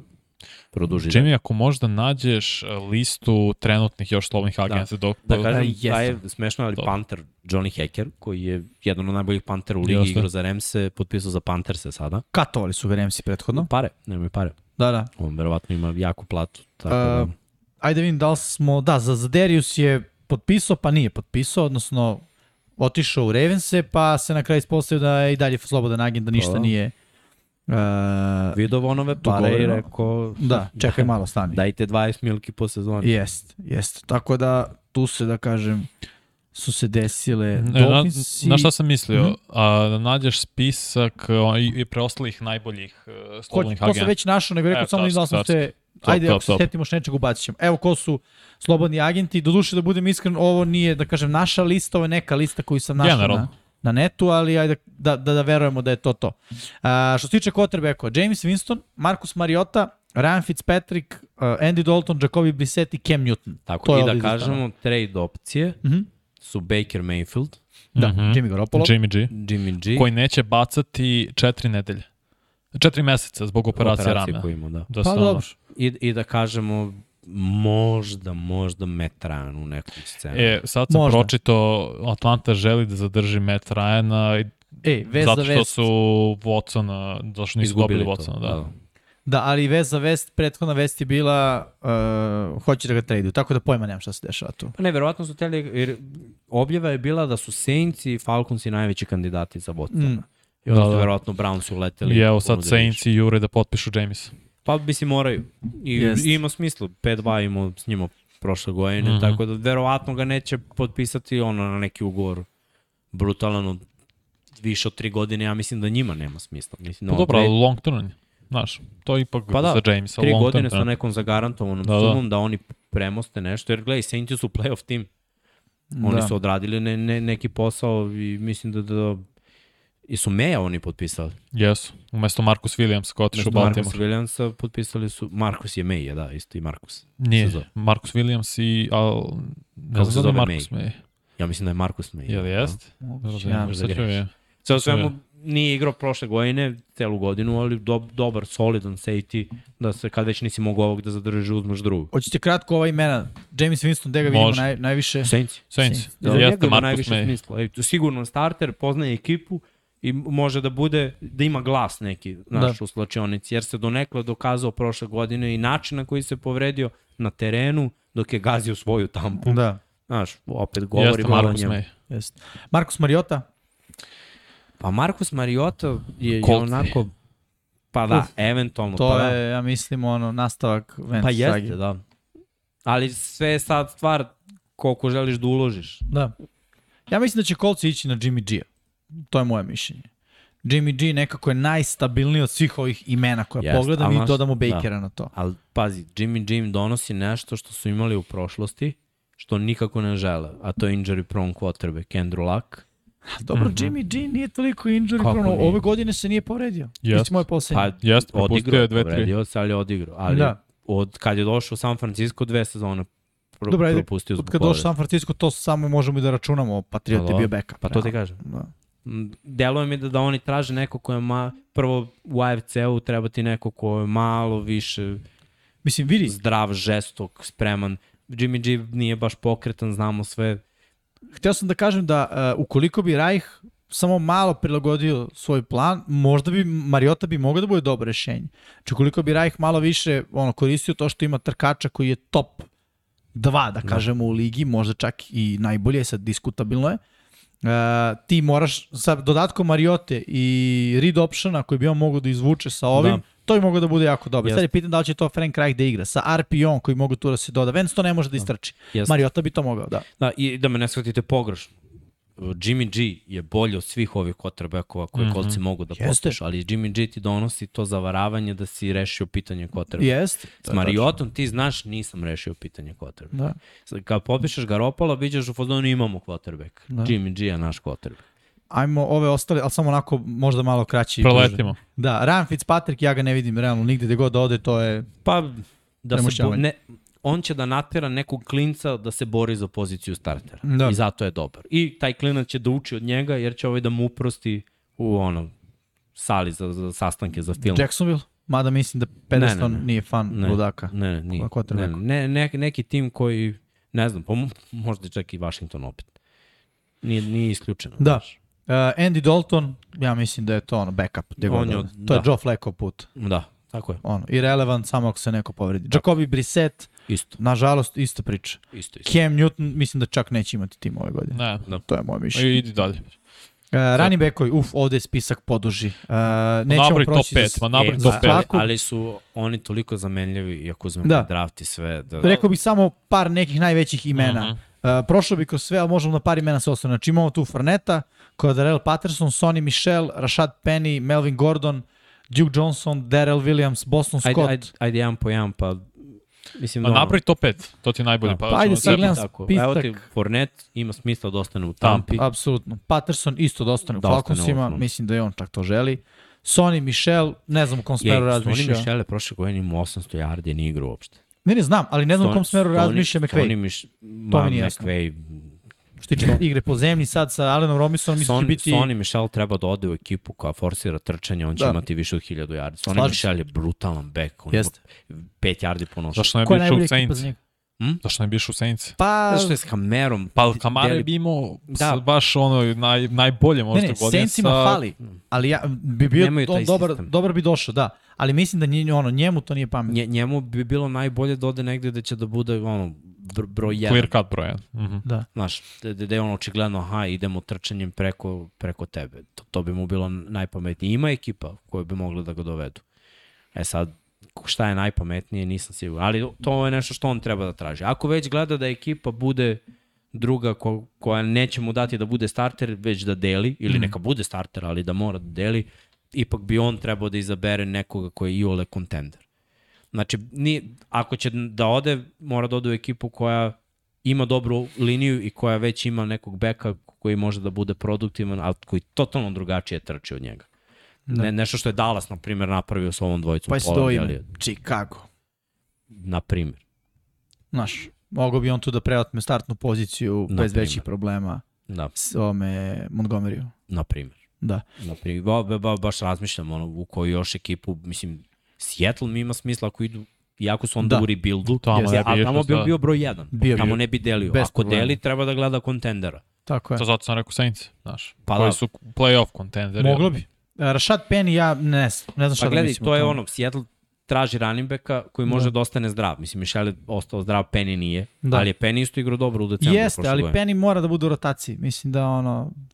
Zbog njega, jer on ne može izdržati celu sezonu. Pa i ne može izdržati ni kraće od sezone. Deluje da je tako. Melvin Gordon, ja mislim Broncosi. Tu ostaje Ne, ne, da ne, tu, ne, ne, nikako. Broncos, znaš šta Broncos najbolje rade u čitavoj ligi, prave running backove. To si upravo, oni već... Royce Freeman. Ma znam, ko hoćeš. Idemo nazad. Pa, evo, posljednjih pet godina. Philip Lindsay, znači sve hiljadu, hiljadu yardi imali u sad Javonte Williams. Na, bukvalno kako ideš, čak i ovaj Booker igrao sasvim solidno. Jeste. Pre toga su imali CJ Andersona. No iz koga hoćeš. On, oni Idemo znaju još da nazad. naprave. I što bi sada davao pare, Gordon hoće pare. Da. Nek ide. Mislim, Da. gledaj, on je meni kao i Gibson. Dobiješ ti dosta uz veliki broj fumblova. Nije vredno. Da. Nije vredno. To meni Gde bi mogli njega da vidimo? Ukratko, Vanja imaš ti ideju neku? Pa ne, mislim, nabrali ste sve i sad nema Pa potrebe. da, mislim da ili to... u ekipi koja ono, ima cap i žestoko traži zvezdu, znaš, ili negde gde ono kao veteransko prisustvo, kao što da ne. Nije ni on toliki sa veteran, znaš. Pa nije da nije. Ima ispod 30. Pa ima, ali igra, koliko igra sigurno 5-6 godina. Ih bio je sigurno Ne, 3 godine u Chargersima, Mhm. 4 u stvari, Četiri. jer je Četiri, bio prvu. Četiri. I onda je odradio još koliko, To je š... 2, 3, dve, to je šest. Pa dve u Denveru čini Da. da. su radio šest. Ali sad vidim koliko šest, ima pa, Ako je godina. ušlo 22, znači na 28. Da. Da. Ali znaš, mislim, vek running backa, ja to, mislim, malo je glupo što tako gledamo, ali running back posle 26-7, to je već, Zapravo 29 godina. pa, to je I mator. to za mesec dana prilike. Pa. Puni, 29 godina. Ali dobro, mislim, u pravu Jeste, si, jeste. Ne, ne, upravo Nije si ti zapravo. mnogo, ali- Za NFL standard je veteran. Već gazi veteranske godine. vidi se da nije. Gledaj Jamonta prošle godine, koja je eksplozija do linije skrimidža Melvin Gordon. Nije to to više. Da. E, dobro, okej. E, ne bih ove ostale, ima tu imena, ali nisu baš, da kažem, u aj kažem zvezde kao ovi. Hvatače si Hvatač smo rekao. prošli, da, to smo već, ja eto, meni samo zanimljivo ime koje mi na ovoj listi Will Fuller. Šta sa njim? A, Gde njega? pa trenutno Wim, Will Fuller može samo potpiše ugovor na... Cleveland. Ja da sam GM, ugovor na godinu dana za dokazivanje. Na primjer, Cleveland da ima konekciju sa je. Watsonom, koji voli taj problematičan fazon hvatača, gde su već doveli jednog hvat, znaš, da ne bude usamljen, ima Marija Kupera koji trči sve rute savršeno. Will Da. da. Fuller je ono fade post, dig, igrač. Nema kod njega mnogo ono, kao sad 10 ruta. Rekao A Mario Fila. Cooper trči sve rute. Mm. -hmm. Ali Fila idu u drugom smeru. Fila idu u smeru pravimo igrači, imamo o, Smith Da, koji je za sada kao full, može da se razvije još više, ali on je bolji meni od Fullera. jeste. Što njegovo drvo plićih ruta je mnogo bolje. Naravno. I što bi onda doveo ovo. Pa kao da bude ono deep threat, znaš, da Pa bude samo opcija da Hurts porem- šibne. Jeste, ali poremetiti mnogo. Ne, ne, upravo se, i Hurts Hemiju nije potrebe koji će da šibne, ono kao, jedan, jedan, ajde da šibne. Deshaun Watson traži nekoga da šibne, Da. a ovog zna kako trči. Ne, ne, to je ta konekcija. Bravo. Ima smisla. Ima smisla, Da. odlično. Tight endovi, Gronkowski, svi mislimo da ostaje u Ma da. ako Mhm. bude igrao futbal. Ovde je Erc, ali mislim da je Erc, Erc je e, potpisao rešio. sa Arizona. Da, da. sa Arizonom priču. Tonjan. Štonjan je ovdje na spisku. on je sloban agent. Da. Da. I Gerald Everett. Pa gledaj, Green Bay mora da radi jako da vrati nešto što je Rodgersu poznato. I s obzirom da ništa ne mogu da vrate, osim to. Coba, znaš, to da. ima smisla. Šta znam. A, slažem se. I Gerald Everett na kraju. Pa ono, bit će zanimljivo. Sad treba da se uklopi u Po meni- game plan. On treba da bude skroman lik koji će da ode u bilo koju ekipu koja miriše da ima šansu. A možda Sinci?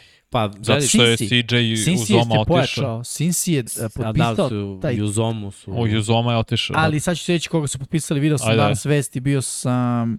Čekaj, samo ću Ja ovdje nisam vidio Da, su danas. danas su nekoga potpisali.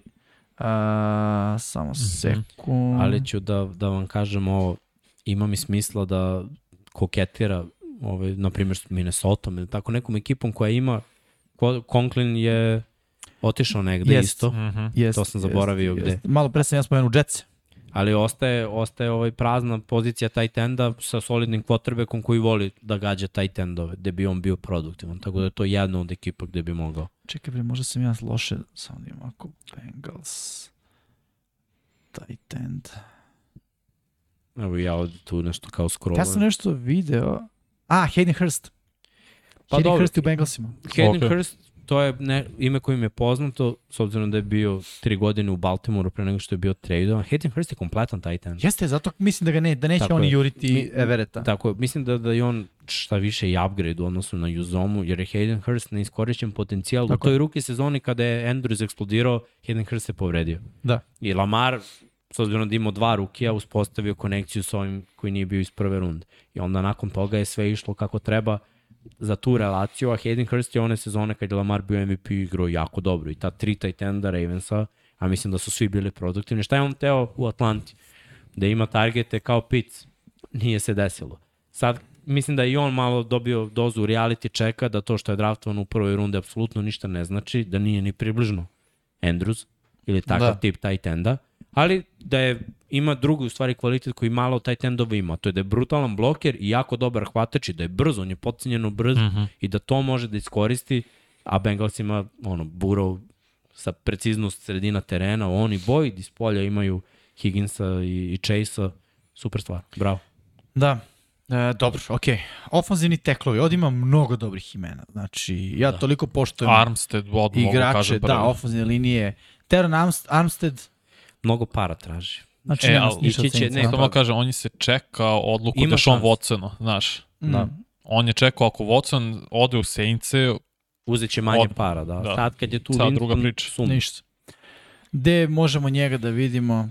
Pa gledaj, mnoge ekipe... Mnogi ekipe, ja ne bi se ulazio u to, Da. gde možemo ofanzivnu ili liniju de- dobro de- pazi, može do, svuda. dobar levi tackle, Da, to je... znaš, ozbiljno. on Komoditet. kao prvi pik na draft. jest. 10 ekipa odmah može da ga juri. Bez problema, da.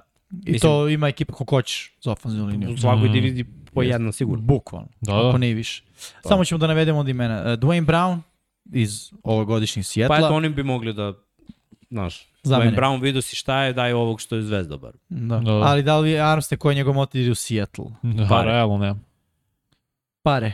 Dobro, da, nije, nije mali motiv. Mali, mali limon. Uh, Erik Fisher, pojma nemam. Nekadašnji on- drugi pik na draftu. Da. Da. I on je jako dobar igrač. Sigurno. Pa- Pa, Mislim, oni će svi završiti negde, nego znaš, šta trenutno nije ono flash i uriti i online. Ofanzivnu liniju, da. To Jer- jer- Online, sve što je u prvoj runde će biti starter. Da. Ja verujem da je imao Armstead ozbiljne po, uh, ponude. I Ima ima i dalje, sigurno. mislim da je samo čekao kako će se odvija ova situacija i da će vrlo Da. uskoro potpiše.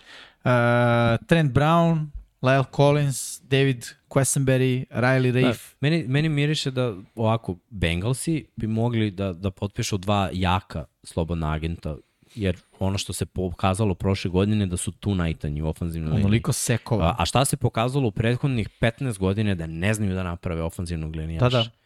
Znaš, to, napravili su Whitforta i to je to. Mislim da je Whitford u stvari ono, Anomalija. Došao kompletan igrač. i on kao čovek, on, ono liki, razumiješ, njegova pokretljivost, da je to već bila dovoljna razlika. Ej, to Uvek- da naglasimo, Whitford je otišao u penziju, to je Da. da. sad bilo ove nedelje. Tako da i varam. Ramsima, opet mislim, no potrebno. je odigrao dobro, ali i oni bi mogli da koketiraju kad već idu all in sa nekim premijernim levim teklom, a da Notbuma shiftuju desno. Mm. Aj samo da spomenem još par ovih koji su ostali. Brandon Shell, Daryl Williams, Bobby Ma Masi i Zach Penner. To su još I za Mesija sam isto Messi. da, nešto sam pročitao da, da, da je bio na razgovoru. Ne mogu se setim gde, ali oni sad se šetaju, mislim, od tima do tima, Da. da. gledaju ugovore, upoređuju, pa, pa ćemo da vidimo. Svakako ih ima dosta i bit će svi potpisani, jer online se pokazalo u posljednjih par godina da, da ako tu odradiš dobar posao u free agency onda si baš ubo. Jeste. Evo što mi sad interesantno. Sad sledeća stavka, to je pozicija guard i centri. Stavljeni su zajedno samo trojica. Uh, Jermaine i Fedi, Quinton Spain i Eric uh, Flowers. To su tri. Šta mi je zanimljivo? Jedan tackle iz uh, Bengalsa i jedan Spain je guard, tako? No. Takođe iz Bengalsa. Znači Bengalsi gube u tom smislu. Pa da, ali nisu to neki premijer igrači. Nisu, zato ima smisla ono što si ti malo pre rekao. Potpuno se slažem. Da oni ono Mislim, gledaj, dovedu dvojicu. Kad u play-offu u jednoj utakmici dozvoliš 9 sekova, u drugoj koliko 6, 7, Da, I pobediš. u ovoj drugoj ne Hoće pobediš. kažem, da, u drugoj ne pobediš, ali zapravo ko je to motiv za dobrog igrača ofenzivne da dođe kod tebe? Ja Pa- zna da je ostatak, mislim ostatak. Ako je, ako je on već prošao, znaš, postoji timovi koji razvijaju brutalne ofenzivne linijaše, na primjer Patriots i Ravensi. To je uvek dobar ofenziv, evo ti Jensen je iz Baltimore. Ili imaš Da. milion tih primjera da Janda, mislim, svake godine bio pro bowler Mm. čovek u svojoj karijeri. Imaš timove koji toliko se posvećuju ofenzivnoj liniji liniji skrimidža trčanju da, da prave dobri igrače. Sad oni odlaze u drugi tim, oni su već kompletni igrači. Njima trener da ono, sistem, šemu i oni već znaju da je izvedu. Drugog moraš da učiš tehniku, kako ćeš ovo. Ovo je već ima savršenu tehniku. Ide u dobar tim gde bukvalno fali dobar igrač ofenzivne linije. Njega trener sad ne uči tehniku, nego mu samo ono, e, radimo ovo, ovako, ovo, onako i, i to je to. Ima smisla da odu u takvu ekipu. S druge strane, za ove igrače Bengalsa koji žele da idu negde, to treba da gleda tim koji ima trenera koji zna da ih unapredi, oni se upgradeuju ozbiljno. Mada, uh, Quinton Spain je bio u Billsima dosta dugo. On je u Bengalsi samo bio ove sezone, čini mi se. Pa dobro, eto nije se dokazao. Znači Ni- treba nije još da radi. Da. Ok, Edge Rusheri, prelazimo u odbranu. Uh, Jadevion Clowney, ja ne znam šta s Pa njim. ja sam nešto načuo da hoće Cleveland. To da, Opet. Da, da, da. Pa mislim, Da. dobra sezona, iskreno. Vrlo dobar je bio. Možda Znam, ali statistički ne toliko toliko. su pala očekivanja sada od Clownija, znaš, od nekadašnjeg pika Jeste. prve runde, highlightera, ludilo, gledaj. do toga da ono, znaš, kao Seattle, ništa, Browns, ništa, Sad Tennessee. opet imaš ovako, Deshaun, pik prve runde, velika zvezda pro bowler, Miles Garrett, pik, prvi pik, ovaj prvi pik, mm. -hmm. bili su pro bowleri. Znaš, i ti dalje imaš, jako sad govorimo, otešao Landry, ovamo na Mari Cooper, prva runda. Da, da. Ceo secondary, realno prva... prva runda ili druga? Uh, Fule. Mislim da je druga bio, ali Moguće znam da da je ceo druga, da. secondary bio, je prva runda. Znaš to, i dalje Znaš, imaš, imaš- zvezde, mislim, ne može niko da otpiše Cleveland, sad kad je Watson tu. Zato, zato ima smisla za ove igrače, sad Fuller. Clowney je igrao on u Texansima, otišao u Seattle, na, za, on nije toliko produktivan ako nema s druge strane ubicu. Miles Garrett je ubica, čini njega boljim. Jeste. Znaš, sad pričamo o tim tandemima, svaki tim skoro već ima tandem. Znači on ili može da ode tipa, ne, on ako bi otišao lupom u Baltimore, mora bi bude broj 1, neće o, Adafe ove da bude broj 1. Ovamo je broj 2 i dobro mu leži da bude Da, broj da. 2. Jeste. Ajmo dalje, Melvin Ingram. Nije baš velika lista, pa možemo. Pa i on je broj 2. Realno. I lepo je igrao u, ono, u Chiefsima, u Steelersima se nije snašao da ni drugi sistem, pa mu nije lego. Ali ima ekipa koja traže veterane koji mogu ono da, da Fila. On, i tako ispun, ispunjava dosta kriterijuma. Dobar je Jeste. u ran, ran Vidi, stopu, Redick s jedne strane, on sa druge strane. Znaš, ima smisla. to može da bude. Mada, Nek on, vrati u Chargers, misliš da? pa ne, Pa šta ne, sad, Sad radi ne, nema rotaciju da. tamo. E, smo mi rekli da za Chargers JC Jackson. Jay, nismo. Nismo. JC nismo, Jackson je stvari prošle najbolji slobodni ag. Nije, nije, ove nedelje potpisao. Ove nedelje. Da, da, da. JC Jackson je potpisao za, za Chargers, eto, Bill u stvari toliko ima poverenja u svoj secondary trenutni da je izgubio Gilmora i JC Jacksona Vidi, za ali on ih je dana. napravio. Jeste, da. Tako da lagano. Objektivno. Vidim napravit ću dobro. novog. Gilmora nije napravio, Gilmore mu je došao, ok, Gilmore pa ga je Unapredio. Unapredio, da. A Jace je napravio. Jest. Šta znam? Mislim, za Chargers ovo je brutalno. Bo- brutalno, stvarno Stante Samuel junior i sada Chris Harris isto Da, da. da, u Niklu, ovaj s polja i Derwin još James. Dervina Jamesa. Nasira. Pa da. Mara je sasvim solidan. Linebacker. Linebacker, Uh, ali kad sad je potpisali Bobby Wagnera, to je bilo Da, dosta. to nismo... A da, da, nisu Bobby... Koga su Bobby potpisali na Wagner je Endu? slobodan agent. Na Endu su oni potpisali još nekoga. Na endu potpisali su dva defensivna ova tekla. To znam, da unaprede tu igru protiv trčanja koja je bilo grozno prosto. Prošle godine. Tako su tu unapredili de, poziciju defensivnog tekla. Ali na edge-u mislim da nisu nikog sem Khalil Meka. E pa, njega. Ali, Da. To, to, to su te, to Ne, su prošle to nedelje jesmo, to jesmo, ne, to jesmo je prošle bilo nedelje, da, da. da, da, da, znam da je neko. Ok, idemo dalje. Derek Barnett uh, iz Eaglesa ove sezone. Pa, on je... Šta znam, mislim... Dubina na poziciji. Da, dubina, ništa drugo. Nije ovo. Ja mislim da je sad generacijski ta. Zodarius Smith je najbolji. Mislim, ali dobro, on je spoljašnji linebacker. Ajde da kažemo, možemo da objedinimo Rusher. Da, pa to je sve edge rusher. To Dobro. je ta pozicija. Mislim. Zodarius Smith je meni najbolji koji je ostao.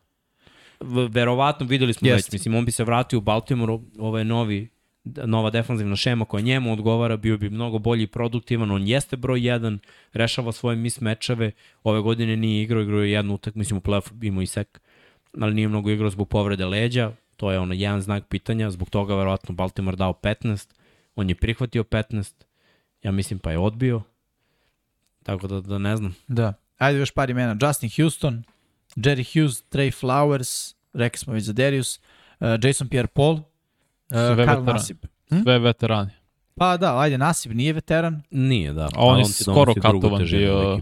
Da. Od strane Raidersa. Dobro, okej, nijedno ime nije nas uzbudilo, što se kaže, tako da idemo dalje.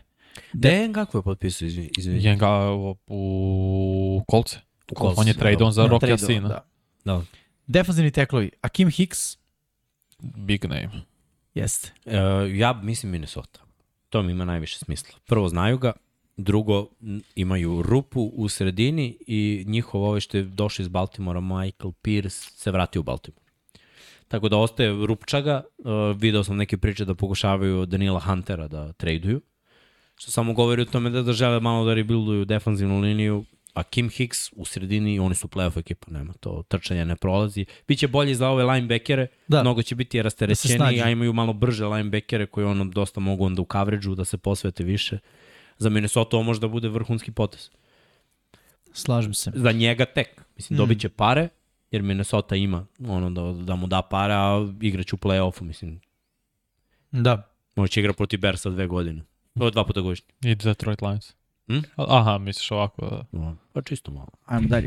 Calais Campbell, mislim da će on da juri ono, kontendera. Kalaj, da, Calais Campbell, ja mislim da će se vratiti u Baltimore. On je igrao u Arizoni čitavu karijeru, došao u Baltimore, on je toliki vođa tu i gledam onako te intervjue njegove, te priče. Ko, to je ko Steve Smith. Ono, I kad je bilo priča nakon povrede Ahilove da će se povuče, vratio se da bi odigrao tu i vedel. Nekako ti veterani kad dođu u Baltimore ostaju tu. Da. I njemu nije, njemu interesu, znaš, Super Bowl i to. Mislim da, da ono, ako pogledaš AFC, redko ko treba Kalaisa Campbella, a Baltimore baš treba Kalaisa Campbella, još je vođa, još je glavni i ono, dobit će ne, neki ono solidan novac. Mislim da je to ono zaokružena jedna lepa priča. Naravno, je vidite vi neku drugu ekipu gde bi on Mm. mogao da ode. Mislim, s obzirom da, da on pretežno je sad na teklu. Da, da. Nije, nije, Ne igra više više nije toliko A brzo. kombinacija njega i DeForest Bucknera u kolcima. Pa vidim da su kolci već krcati toliko, znaš. Pa znam, ali opet Mislim da ne, koliko koliko, sad, imaju sad veći problem. Ono, uz koliko Campbell da. može da igra snapova po meču. Znaš, da li može da igra sve? Da li Pa, je all, all down back, all down da player? ne može da se povredio vrlo Pa brzo. to znaš. zato i kažem, zbog rotacije ima mi smisla. Pa da, ali da li su kolci kontender?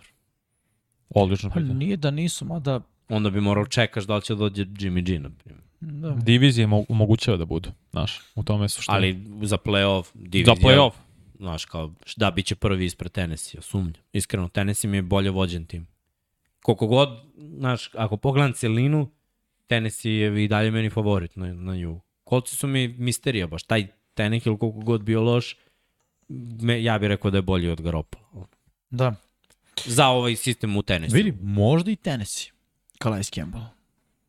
Ali tamo je, dobro, tamo je, znaš, oni Dupri, Simons, Otri, Da. Bo, Herolda potpisali. Da. Nji, oni su toliko loši s kepom, a jure. Da. Jure ofanzivno malo talenta i DB-eve nemaju. Da, verovatno. tu, tu su raspustili sve što su Mhm. mogli. Sad razmišljam, znaš, Dobro. gde bi još mogao Campbell? NFC negde. Pa ja sam gledao NFC, ali- Možda NFC, neki kontender. Uh, Green Bay. Packers, da, realno. Možda Packers. pa da, ili je San Francisco otpustio nekog od onih Mislim da linijaša? nije.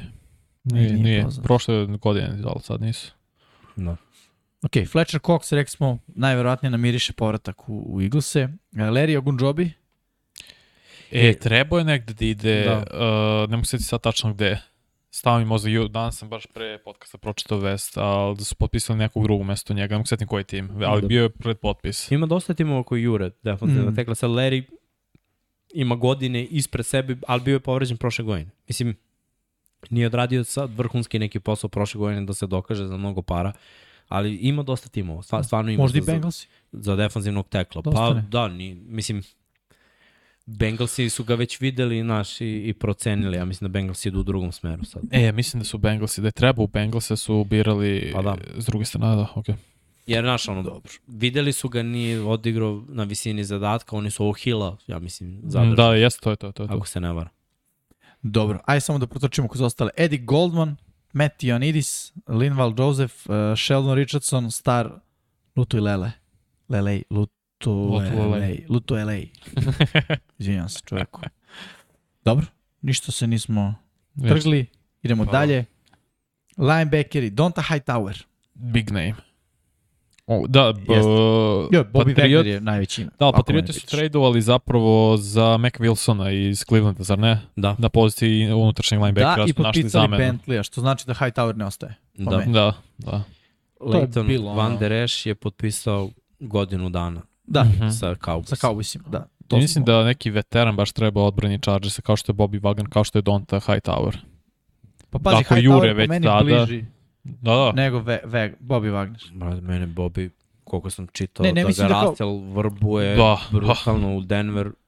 Da, da. I, I ima mi smisla. Ima smisla Ima. skroz. S ovim napadima Bobby dalje igra pro bolu. Igra, igra. Kako ne? Kako ne? Dobro, ajde ovako dalje. Uh, Alexander Johnson, Ozbiljan linebacker od igru u Denveru pre. da. Da, ne znam. Da, ništa, ja ne, nemam neko mišljenje da budem iskren. Ma, ba dobro, gledaj, inside linebackeri, sve su manje, ako ne igraju na visokom nivou, sve su ono, manje bitni da. za mnoge ekipe. I ako nisi ono u situaciji pobedi sada, draftuješ ga i praviš ga i to je to. Mhm. Anthony Barr, Kaiser White, Corey Littleton, Danny Trevatan. Corey Littleton, Trevetin. David Tre, da, Da, Trevetan je meni najbolji od njih. Mislim, Littleton dve godine za Raiders se ništa, Ništa, nije pokazao u Remsima igru iz one defanzivne linije od pre par godina igru bi svako dobro. Da se ne Yes. I čim je dobio priliku da igra u malo lošoj ekipi, ništa, apsolutno ništa Da. nije pokazao. Trevetan je isto igrao, ima to prokletstvo što je igrao i za tako brutalne linije u fr- front seven da je Roquan Smith. Znaš, ono, baš su imali i Floyd, i Kalila Meka, bila i na vrhuncu. Hicksa. Da, I, da. znaš, kad uzmeš sve igrače koji su bili tu uključeni, U Prime-u su bili. tako je, ni, nisam siguran da, da igro je dobro. Da li je igrao dobro zato što su svi igrali dobro ili zato što je on dobar, ne, ne mogu da potvrdim. Pa, to je ono, kako kažu, mačku u džaku. Da. Ne znaš Iz- šta dobijaš. Mislim, možda izgleda- dobijaš ubicu, možda ne. Da, da. Izgleda da igra dobro zbog statka ekipe. Pa možda Tako nije, da, znaš, da, ali možda i nije, to što kažem. poka, pokaže se češće da, da je to slučaj nego što nije. I onda najbolji fit je negde gde imaš ono što, što si imao kada je on bio uspešan. Uh, corneri, Stefan Gilmore. Da li će produžiti s Panterima, šta mislite? Ne verujem. Mislim, za njih ima smisla. Da. jer moraju da budu defanzivno orijentisan tim ako hoće bilo šta. Mislim, Ne znam, Karolina imala tako dobru priču zapravo na početku prethodne sezone i baš zato što je odbrana bila toliko mlada i toliko dobra, ali opet tradeovali su, čini se JC, uh, ne JC, nego ne, tradeovali su za CJ Henderson, je li tako? On je sad na korneru pored JC Horna, znaš, tu je Gilmore sada, što, što ima izraz odd man out, znaš, ovo su dva mlada, cornerbacka prva runda, Henderson bio pre dve godine deveti pik, ovaj je osmi, mislim, oni će biti nosioci tog sekundarija. Da, JC Horn po meni može da bude i ovaj... Uh, u kako se to zove? Da, da bude nikl. Mhm. Da, može. Ne znam da li hoće da idu tim putem. Misliš da bi toliko visokog izabranog igrača svog stavili Pa već posle druge Gilmore. godine. Ali ako ostane Gilmore, tebi ne treba u NFL-u dva lockdown kornera, realno. Tebi treba jedan lockdown corner, treba ti jedan nickelback. I sa Mhm. time si rešio. Ne kažem da će to biti put kome, u kojim će oni da idu, ali ja mislim da JC Horn može da, da igra. Mislim, pazi sad ovo, u njihovoj diviziji da igraju dva puta godišnje. U jednom slotu imaju Atlantu i Pizza, u drugom slotu imaju Gadvina. Michael Ajde, Thomas uglavnom iz slota, realno Znaš, igra. mislim, ima smisla da bu, dobar koren bude, mislim i Gilmore je igrao često, nije igrao s polja, nego je Jurija pratio 1. najboljeg hvatača. Da, ekipe. da. Da. Tako da, ali opet Gilmoru je možda pametnije da ide negde gde će da bude ono, isključivo broj 1 s polja i gde će da orobi banku, jer može to da uradi, može to sebi da priušti. E sad imaš ove divizije kao što je zapad na FC, a gde bi... Šta pa Chiefs? I Chiefs su izgubili da li imaju- Charverius Travorda, Jesu. A ne znam da li imaju kepu toliko. izgubit će Tyrona Matthewa, ali zato će da produže ove ugovore za igrače, za uh, Tyrika Hilla, no, Mhm, naš, mhm. prebacit će. On, oni su sad u modu prebacivanja. Mislim da je i Chris Jones odradio rekonstrukciju. Da, sad svi prebacuju da bi se oslobodio cap. Uh, ja mislim da, da čisti bre od defanzivnih bekova ne da nemaju dubine, nego bi se jedno skupili za, za 7 na 7. Ono, da. Da. igraju. Jeste. Trenutno da je takva situacija. I ovo te stavlja, mislim, pazi, protiv kakvih hvatača ćeš ti da igraš? Protiv Russella Wilsona i Denvera, protiv Herberta, ovamo Williamsa, Keenan Allena, vek, što već si video na, na šta liči, sad Raidersi, mislim, koji sad opet imaju bolju ekipu Davonte Adams. Jeste. Znaš, Ali ne- ja mislim da Chiefsima više ide na ruku da jure nekog eh, veterana koji ima motiv da ono bude u kontenderu ekipi. Recimo Joe Hayden po meni. Da, ali mi delo sad čitam cap space Chiefsa i nemaju prostora, mislim, objektivno. Imaju možda mora još 4 da se miliona. oslobađa. A? Mora, Vidi, Patrick mora. Peterson je još jedno od imena. Mislim, No. stara slava, baš Da, da. po meni stara slava. Mora, mora. Najbolji od njih. Ili draft prva runda Jest. za Chiefs. Ali Jest. opet, tako neka ekipa koja je u, u primorana. Ali AJ Boye nema ga tri godine. Nema ga, nema ga, ali znaš, mogu Chiefsi da budu u fuzonu. ti e, kaže stara slava. Da. Gilmore, mislim, nije stara slava, Nije, nije, godinu dana posle njih su bili diskutabilni zbog povrede, Tako a je. on kaže da je to sve bilo zbog načina na koji je New England tretirao njegovu povredu, kao, ma dobar si si naj na teren. Što se njemu nije svidalo, jer je osjećao, znaš, ono, boli me, ljudi ne mogu na teren. Da. Čuti si naj na teren. Ajmo dalje. Safety. Tyron Matthew, Dobro. Ima više ekipa realno zainteresovani za... On je veteran, ono... Meni miriše Fila za njega. Fila traži safety.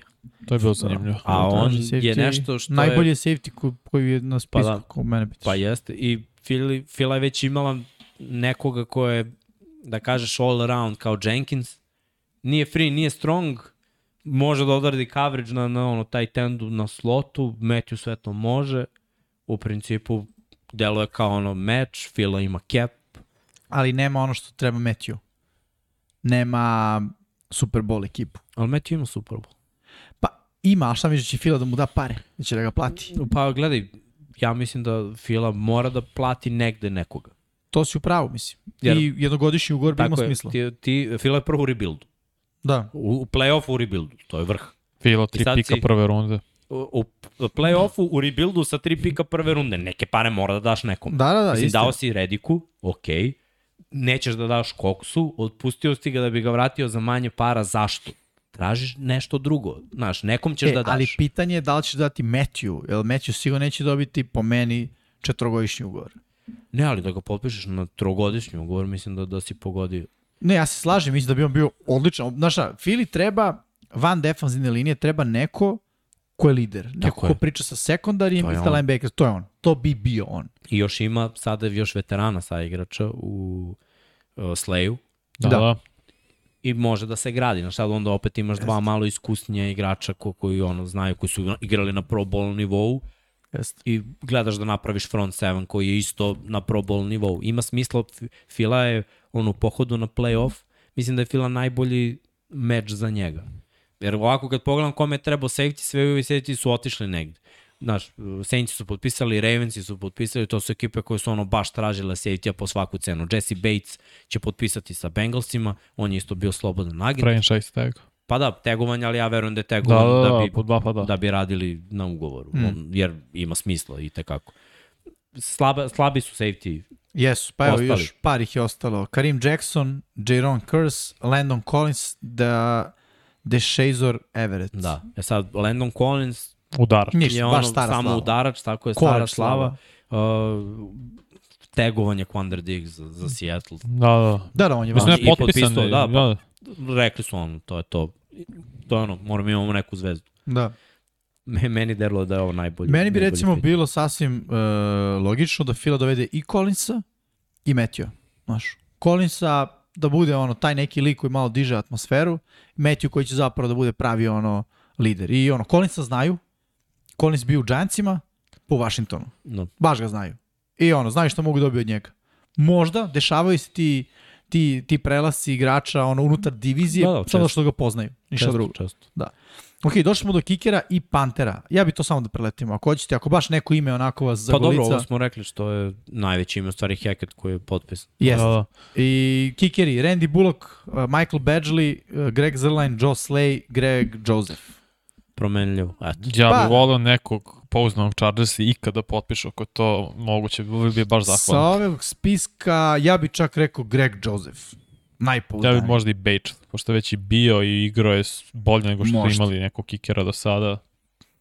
Znaš, Ne znam, baš ne znam. Panteri, Heker, rekli smo da Mhm. ima ekipu uh, Brian Enger, Kevin Huber, uh, Pat O'Donnell, Michael Pallardi, Andy Lee, Corey Bohorquez, uh, Jordan Berry, Thomas Morsted.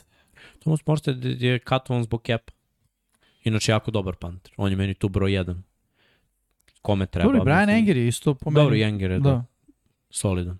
Mislim, ljudi nekad se stavi onako u peti plan Panter, ali Panteri koji, ono, 45 plus yardi, koji znaju da, da pomere, ono, promene u stvari poziciju na terenu su i, i tekako e, važni. pa pitaj samo Green Bay. Da, Reci. Samo njih pitaj što se tiče Pantera. Dobro. Da li smo prošli sve? Mislim Skoro. da jesmo. da. Je li vreme ja da idemo gledam. Da, ne, u na temu? da, na temu emisije. Priča nedelje. Priču nedelje. Da, A to nam 99 ljudi- yardi konsenzus. Tako Da. je. Ove nedelje, mislim, s obzirom da radimo 10 Na šta treba da uradiš? najboljih igrača na što svim kreneš? To, Tako je. like, tako je. Tako je, bre, ljudi, like. Tako je. Ajde, je lajkujte. zvonce sa skraju. Uh, zvonce notification. Notifikaciju. Tako je. Like, subscribe, share, sve. Da, Tako sve. je.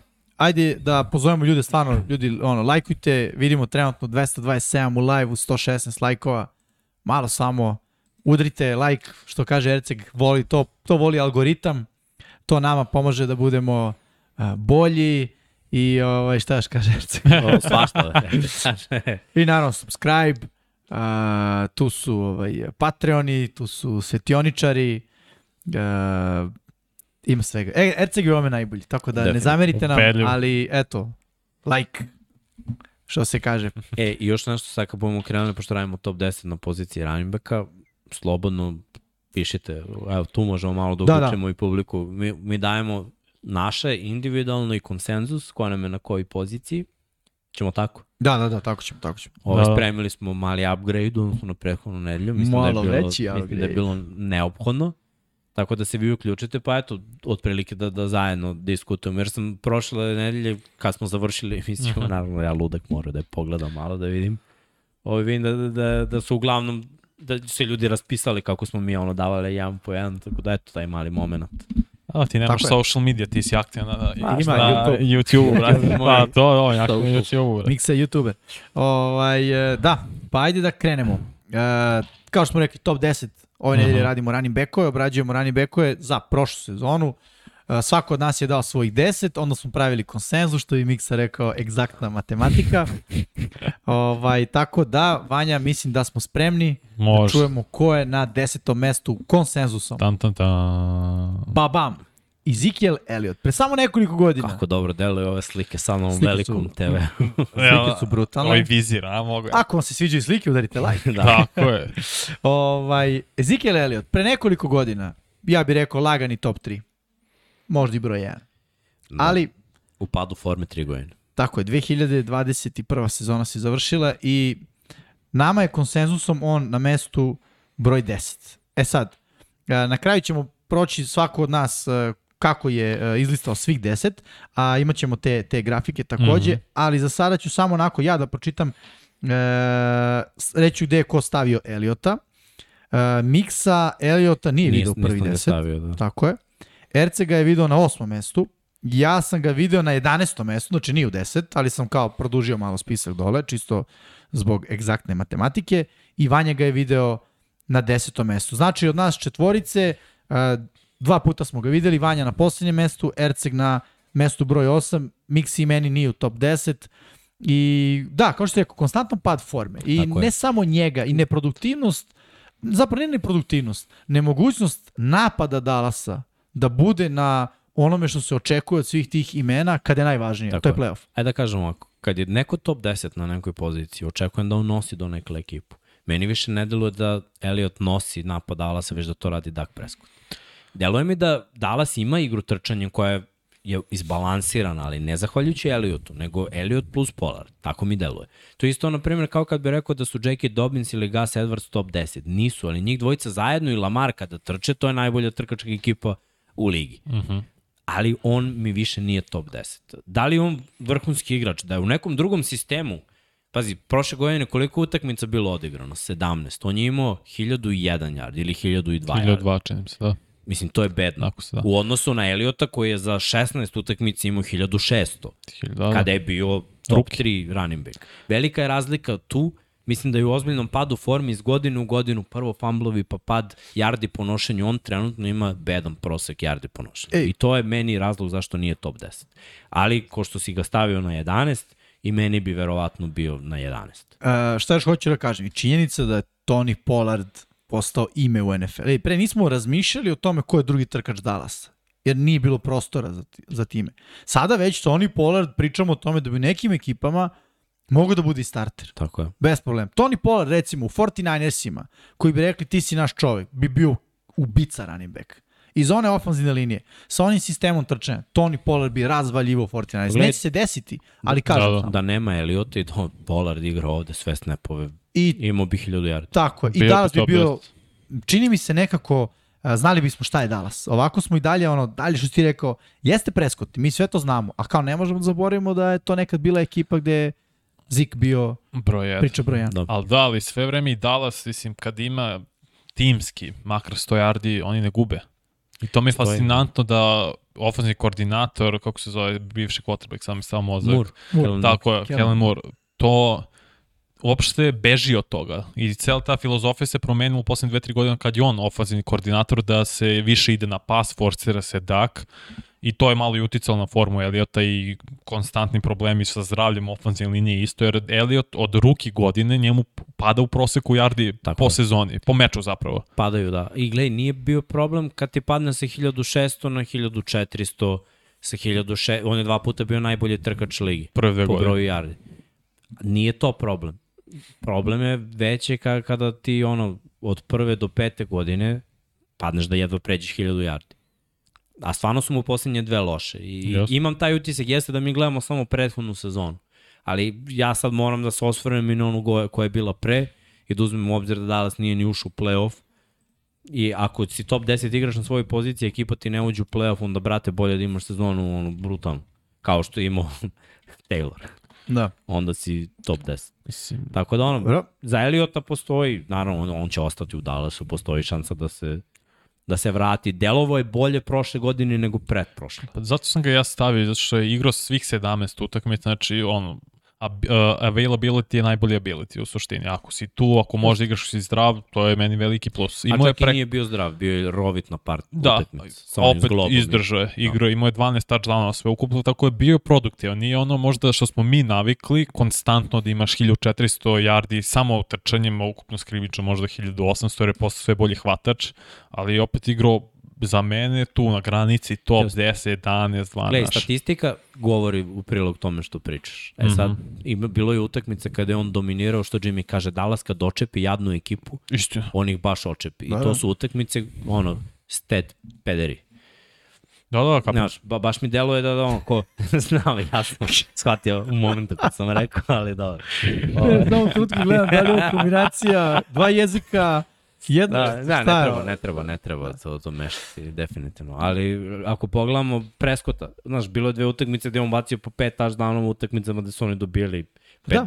koliko, 40, 50. Jesu da su po 50. Atlantu da. su uništili. Washington, Va- znaš, Filu na kraju. Filu na kraju, Fil Jeste. igrala s drugim timom. I sad ti uzmeš to i kao, a ovi igrali sa starterima. I kao, Statistika kida. brate, polomio je kao, kako statistika.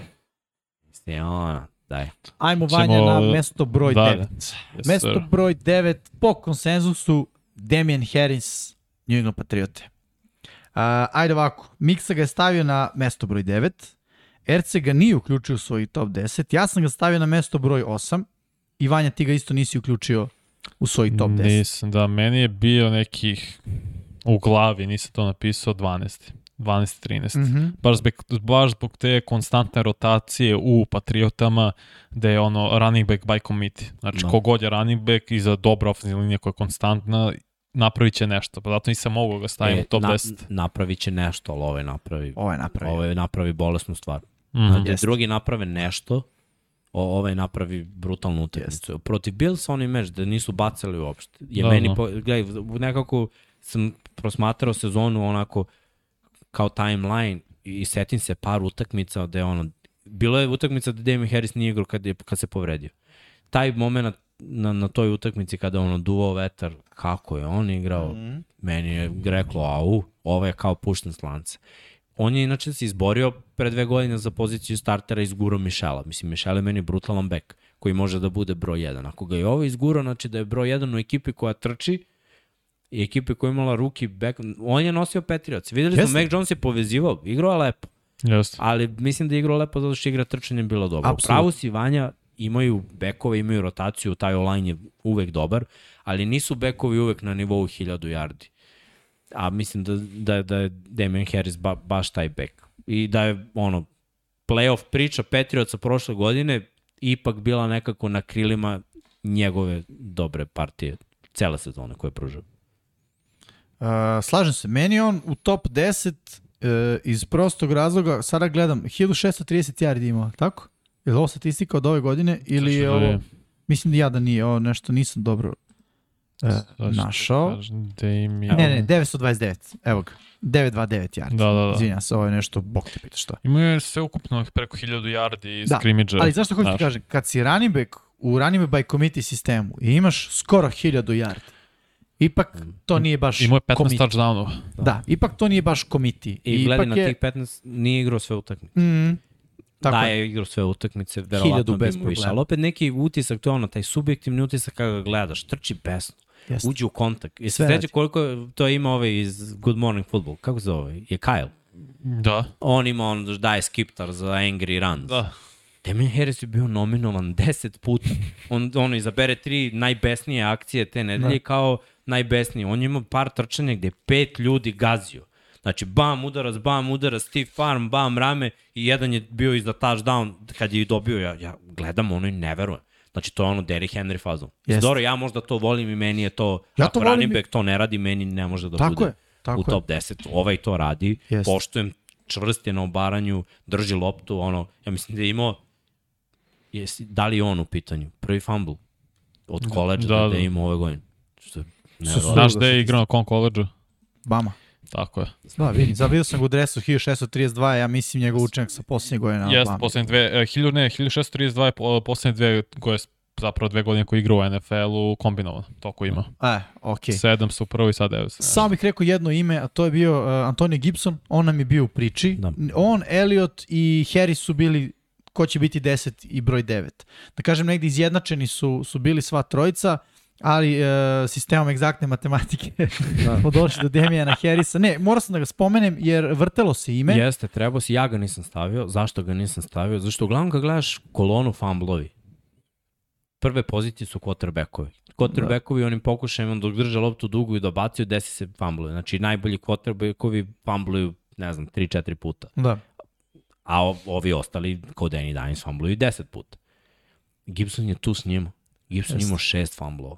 To je mnogo. Dosta za trkača. Ja, ja ne, ne, gledaj, ako ćeš da imaš pet fumblova, moraš da imaš sezonu kao, Ed, znaš, Adrian Peterson na startu svoje karijere imao problem s fumblovima, ali Adrian Peterson imao 1500 yardi, bio je ono jedin, jedina opcija u napadu Minnesota i ajde kao da kažeš svi su znali da trči, a Gibson mislim, Znaš, mnogo je to fumblova. Ja ne Jeste. volim trkače koji ne brinu o lopti i to ne može kod mene top 10 da bude. Ja sam ga stavio na mesto broj 11, ono sviđa mi se, ima potencijala Ima, da. i mislim da ovako, da kažem, rano u njegovoj karijeri da ga uzimam u obzir za top 10, isto govori o tome da on Jeste. može da bude, Ma gledaj, kom, ali treba to što si ti rekao. kompletan je, Mhm. dobro blokira, dobro hvata, dobro trči, ali ako ne umeš da držiš loptu, a zarađuješ milione, druže, mislim, Tako je. nisi top 10. Ajmo dalje, Vanja. Mesto broj 8. Alvin Kamera. Ovo je, ali ovo je downgrade za kameru, koji je po Da. meni top 5 running back, samo zbog toga što Zbog je ova ekipe. sezona za Saints je bila Da. tako, pazi, on je s naj, sa quarterbackom, ja mislim da ih je četvorica bilo, prošle godine ili petorica, znači krenulo je sa Winstonom, pa je bio Simijan. uh, Simijan, pa je bio Hill, pa je bio Ian Book četvorica. Četvorica. Znači su se vrteli u krug, na sve to nije igrao Michael Thomas, tražio se bilo kakav hvatač koji bi ono izašao u prvi plan, O-line je bila oskrnavljena, bez dva startna tekla su igrali i sve je Alvin Kamara. I on je opet bio statistički dobar. Jeste. Solid. Ako gledaš, prvo, veći deo sezone je bio najbolji hvatač i najbolji trkač ekipe. Samo to govori o tome kakva je igračina. Ali Jeste. mi ocenjujemo prethodnu sezonu Tako je. i prethodna sezona nije bila onakva kako je on, na šta nas je u stvari on navikao. Mislim, ja od kamera očekujem hiljadu, hiljadu. E, jer on je taj potencijal. Istina. I Jeste. ako pogledamo, mislim, ball protection, blokiranje kada pomaže uh, u protekciji kada se otvara u rutu. Trčanje ruta, on mi je top 3 running back u ligi. Pa on, Christian ruku. McCaffrey, ko bi bio streći? Njih dvojica su top 2. Mislim da se Sigurno, razumem. pa da. Pa razmislio bi, baš bi razmislio koga bi jo, jo, Da, ne znam ko bi bio baš treći. Sad gledam, bio je povređen, No, je je četiri meča, Dobar u rutama. Kamara, znaš. I Pa, ja imao mislim je da je samo četiri Eckler touchdowna. Da, top 3 Eckler. u, u hvatanjima iz backfielda. Jeste, jeste, Eckler, Eckler. Zato je mi u top 10, nije Mhm. on trkač za top 10, ali efikasnosti iz backfielda tu, tu me je kupio Eckler. Uh, što se tiče gde smo stavljali kameru, Miksa na mesto broj 8, Erceg na mesto broj 9, uh, ja na mesto broj 10 i Vanja na mesto broj 7. Zašto sam ga ja stavio na mesto broj 10? Samo zato što imaćemo na kraju uh, Svoj- grafiku, svako od nas će vidjeti kako je izređao, može, moćemo damo kratak komentar. Uh, zato što ovih prethodnih devet su mi nekako bili upečatljivi za svoje ekipe. I njihove ekipe su mi nekako ostavile bolji utisak, ajde tako da kažem. Ili su mi oni bili toliko veliko iznenađenje, za kameru ne mogu reći da je bio razočaranje, stvarno nije, ali je Saints i sezona je bila ono kao pff, Pa jeste. Bez Da su ušli, mislim da smo gledali Winstona i da je ušao u playoff, ja mislim da bi on imao brutalnu sezonu. Sigurno, sigurno, ali nažalost Da. Fiokica otvorena. Nije se desilo. Dobro, mislim da možemo dalje. Mesto broj 7 po konsenzusu je Austin Eckler iz uh, Chargers. E, Eckler je stvarno možda i čak i malo ispod radara izdominirao ovu godinu. Znači čovjek imao 20 touchdowna, sve ukupno je preko 1500 yardi skrimiča. Mislim što je stvarno stvarno je bolesno. Znači imao je 911 yardi trčanjem, imao 647 yardi hvatanja. I Da. ja, ja ću da Naravno. kažem samo ovo. Kogod da, da poziva akcije nije normalan za Chargers, jer su imali 10 utakmica koje sam radio, da su na on unutar 5 yardi i da je Eckler na, ne, ne, A da nije na, terenu. Nije na terenu. A Eckler je bio uz Konera sve vreme najefikasniji bek, mislim prvo bio Henry, ali kad se Henry povredio, njih dvojica su predvodili ligu ukupno touchdownima. Taylor je trčao touchdownove, ali ova dvojica su ih hvatali i trčali. Utakmica 20. protiv Pittsburgha. Znači ja sam se pitao, ljudi, znači Pittsburghu ne leži Ekeler, bio bi mi na terenu u svakom gol posedu. I bukvalno ulazi čovjek na trećem downu i daje touchdown. Mislim, Da. toliko je prosto, st- stvarno je tu napredovo. Ali Chargersi ne trče, nemaju tendencije da trče, izbacuju iz svog playbooka. To je ono što ubija Ekelera, koji je izvrstan hvatač. Ove godine se pokazao da ono konačno nije injury prone. Mm. On je dobio ovaj ugovor u nadi da, Chargersi su bili u nadi da će on izdržati neku sezonu. Znači, čovjek je neverovatno jak. Gledao sam ga u teretani, O, njegove klipove i to. Lik je nerealan. Naravno. Stvarno. Ali mislim da ta teretana ne ide sa američkim putem, NFL. Znaš da on drži sve e, Rekorde na Da, koledžu, na da. koleđu. Ali To, to, to, to nije dobar recept za da izdržiš celu sezonu. Da, da. Znaš, mora da se smanji teretana. Ne, ako off-season gruvaš, gruvaš jako dva meseca i nakon toga je teren i smanjiš težinu. Jeste. I zbog toga se povređuju, zato što ono, opsednut je teretanom, opsednut je tegovima, gde nijedan atletičar sprinter ne gruva 100% tegove cele mm -hmm. sezone. Koji, ako Jeste. ćeš da sprintaš, mora da smanjiš, mora znaš Ma, kako. i, I vidi ostale sportiste, znaš, ono, kako treniraju, ovi koji su dugovečni, koji Da. da. dugo igraju. Niko se bre ne, ne gruva toliko tegovima. realno. Fokus Tegovi postaje su, posebno istezanje. tako je, istezanje i ono, da kažemo, taj neki modern pristup vežbanju, u smislu, ne znam, ja sam gledao klipove, čitao kako, tome kako se sprema LeBron James, ono, kao što kaže čovek da ne diže u teretani više od 60 do 80 kila i to je kao čučanj. Sve ostalo što radi, radi na ovim nekim novim mašinama. Da. Znaš, da ti samo guraš sajlu i sajla meri opterećenje i sajla ti dodaje opterećenje, povećava, smanjuje kad oseti gde što. Tako da ajde sad da ne ulazimo u celu tu priču, ali da, Austin Eckler je bio iznenađenje ove godine. Iznenađenje po tome što se nije bio injury prone, iznenađenje po realno po tome što je pokazao da Chargersima je, je stvarno running back broj 1. Setimo se samo, to je bio Melvin Gordon i on. Da. Do vrlo skoro. Gordon je otišao jer su rekli, ej, ajde da verujemo u njega, drugo ono, manje je ime, manje je to para, definitivno u poređenju sa Melvinom Gordonom. I bila je kocka u tom trenutku. Ova sezona je stvarno bila ono, ljudi, imate trkača broj 1 i tu više nema pitanja. Znači, to je Austin Eckler, ta priča je zatvorena. E sad, nađite samo bolju formulu kako da taj Eckler bude, ne mogu da kažem, produktivan, jer on već jeste produktivan, ali kako da ga koristite bolje. Da zbog njega pobeđujete utakmice No. a ne da jurite sa, sa Herbertom i, i, i ono besmislenom igrom kroz vazduh, šta god. Da. Mislim, gledaj, toliko pro produktivnost na tako ma malom broju dodira, to ga stavlja definitivno u top 10. Da. To je to. Hoćemo dalje. Uh, aj samo da kažem ovako, Aha. Miksa Eklera stavio na sedmo mesto, Ercig na sedmo mesto, ja na deveto i ti si ga Vanja stavio na mesto broj 6 po konsenzusu sedmo mesto. Ajmo dalje. Evo imamo ovde komentar da je Hunt top 3 kao hvatačka opcija. Kad bi, mislim, jeste, Hunt je brutalan hvatač iz backfielda. Samo, samo što ovi momci igraju su ono startera i broj 1 su. Ja bih volao da vidim Hunta isto negde kao startnog running back. Onda Aha, bi- Karim Hunt. Karima Hunta, Da, da, da. da. pa bio Jer on, on je kompletan i brutalan back, ali on toliko gubi snapova zbog čaba i ne koristi ga Cleveland adekvatno. Mislim, on ima brutalne ruke, stvarno, i Mislim, trči vidi. rute brutalno. Cleveland ga koristi fantastično za... Ali gledaj, Cleveland kako- potrebe. Da, jeste, ali gledaj kako Ne su ga. Chiefs i koristili. Da, da, da, da. da. On je uzeo Elliotu onu titulu najboljeg trkača jedne Bio broj godine, jedan. plus je i hvato te sezone. Hunt je u biti. Jest? Ali prošle godine nije bio, ljudi, bio je i povređen. Da, da, Gledamo, ovo nije overall, nego kako su igrali prošle godine. tako je. Sa time šesto mesto, Dalvin Cook. Dalvin Cook jest. Još jedan od tih, ja bih rekao, izvrsnih uh, predstavnika tog, tog, ne mogu kažem novog nekog talasa, pa dobro, stvari, možda i mogu. Novi talas u smislu running backovi kod kojih je sasvim legitimno očekuješ da budu dobri hvatači. Tako je, i on je dobar hvatač. Jest. Mislim, ono što je problem, je, moramo da uzmemo obzir koliko utakmica su svi igrali. Nisu svi igrali celu sezonu. A Dalvin Cook je opet imao brutalnu, brutalnu statistiku, a nije igrao sve utakmice. Znači, opet je bio povređen, klasika za njega. I on bi jeste isto malo. morao da podredi na, na, na tome kao i Eckler. Kako da izdrži čitavu sezonu. Ali njegov način, ono, zalet i 100%, tako on igra. I ja volim što on tako igra. I žao mi je što ne može njegovo telo da izdrži. Ne može nijedno tela, mislim, to Da. da izdrži. Pa da, Sam mislim Henry. za Henrya da može, ali očigledno posle određenog vremena. A ali čak i Henry ima moment da kad dobije loptu ima dva koraka da ubrza. Zato što je teži mnogo. Da, ali ovaj čim dobije loptu, to je full speed. Jeste. I u jednom koraku može da stane, promeni pravac i opet bude u dva koraka u full speedu. To su stvari zbog čega nam je svima verovatno top 10. Zato što Da. sve što on radi, radi na toliko... Evo, mi smo igrali. I znaš, ono, uživo na terenu. Igrali smo protiv Amerikanaca Jeste. koji su bili All American. Da. Koji su tr, ono, bili mnogo brži od nas. I gledao si kako to izgleda na terenu. I onda pogledaš ovu tekmu i shvataš da si bio na terenu, da ali na kuka ne bi pip, ne bi ga tako. Ma da.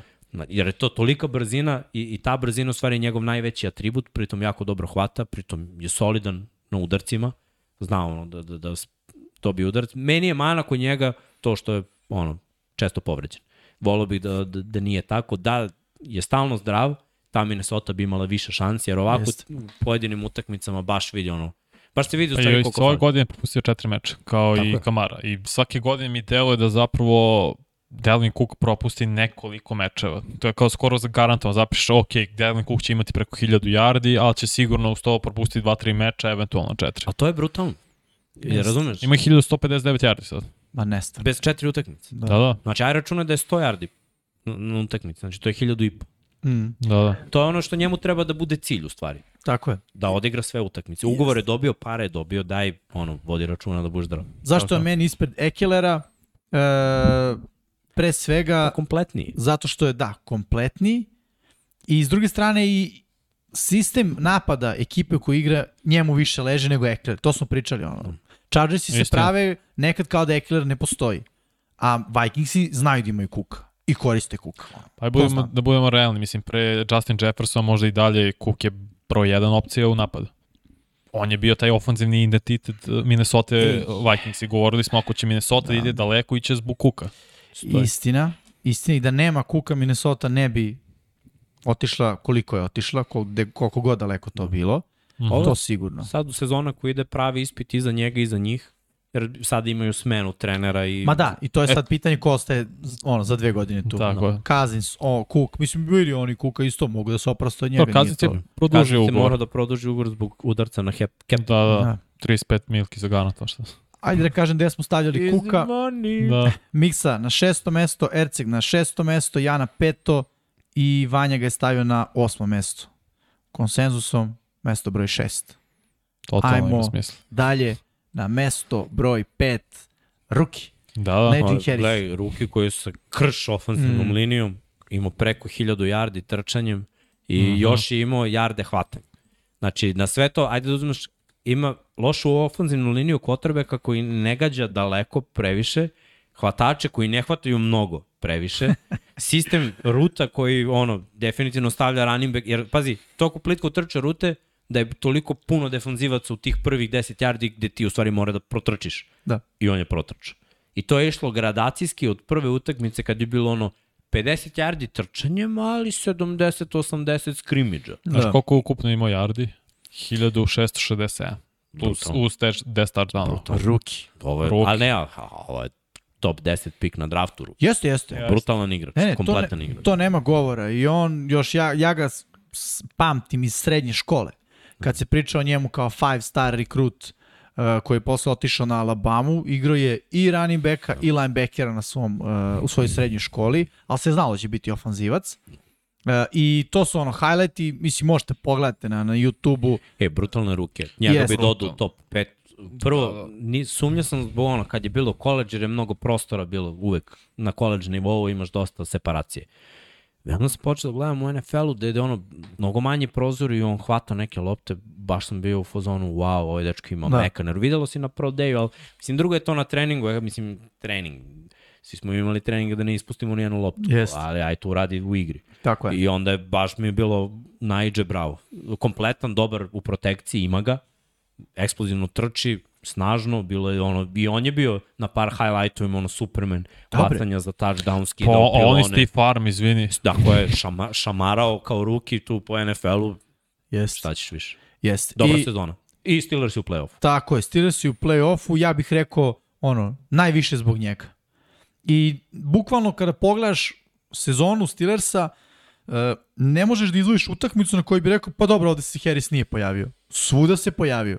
Što ti kažeš, 50 jari trčanjem, ali bez tih 50 jari trčanjem, taj meč bi bio katastrofa za njih. Znači, ono, uvek je bio svetla tačka u Steelersima. Da, inače, Steelers su prošle godine bili najgori tim po broju istračanih yardi po utakmici. Mislim da je to bilo nešto bedno, oko 50 yardi baš. Pre dve godine, Pa, od ove, 2002, da, da, Da. bilo je preko 50 yardi, bukvalno nismo mogli je tako smisliti. sećaš? Da, da, da. 50-60 je bilo. 50, bilo da. Mečeva bili su najgori. 50 puta. Bili su najgori, ubedljivo. E, sve se to promenilo. Sve A zašto se promenilo? Mhm. Jesu imali drugog beka? Kad je Billy Snell prvi put ušao, se sećaš? U igru. Ovo je igra dečko Ulazio u 90% igru. snapova. Da, da. Jeste, jeste. Top 10. Top 10, nema šta. Uh, ajde samo da kažem gde smo ga stavljali.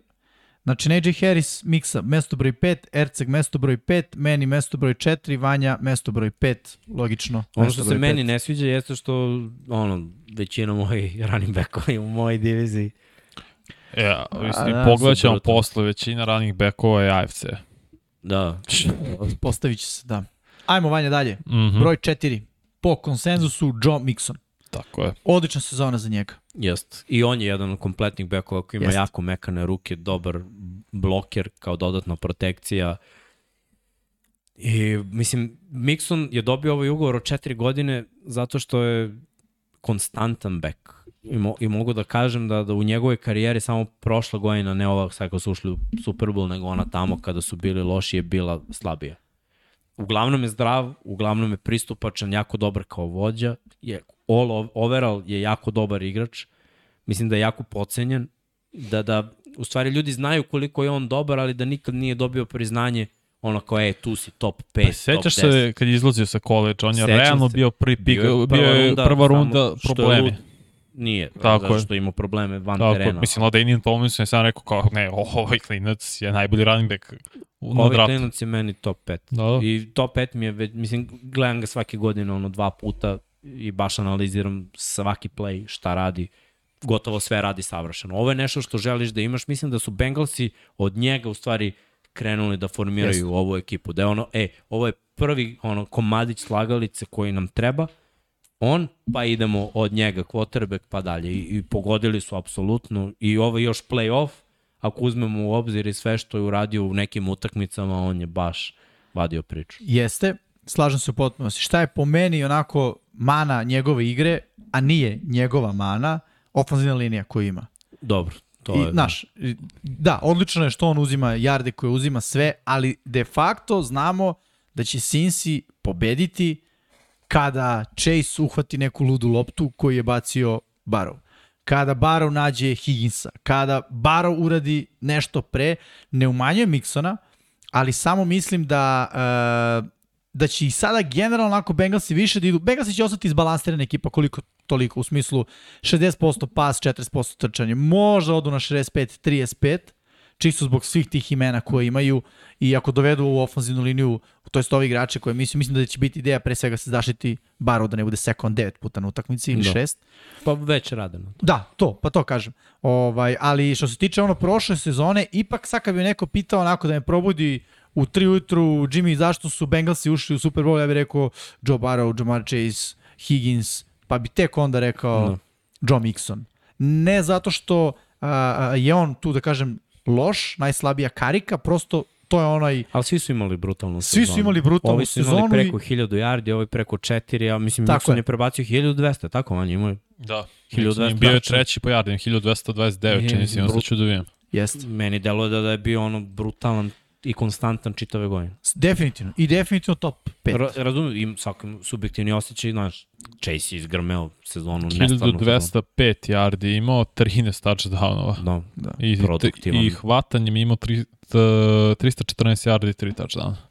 Ajde samo počitam gde ga ko stavlja. Mm Mhm. -hmm. Miksa ga je stavio najviše mesto broj 3, Erceg i Vanja na mesto broj 4, meni je bio mesto broj 7. Kažem, samo zato što vidjet ćemo na kraju listu ko mi je bio iznad njega, nekako mi onako na, na prvi pogled, na oko, kada bi neko pitao zašto Bengalsi su bili ove sezone, on bi mi bio ime broj 4. Ja bih pre njega rekao tri druga imena, Uh, ne zato što on je loš, nego zato što su oni stvarno imali onako sezonu da pamtiš. Chaseovo sve, Barovo sve, Higginsovo, pa onda kao Da. dođem do...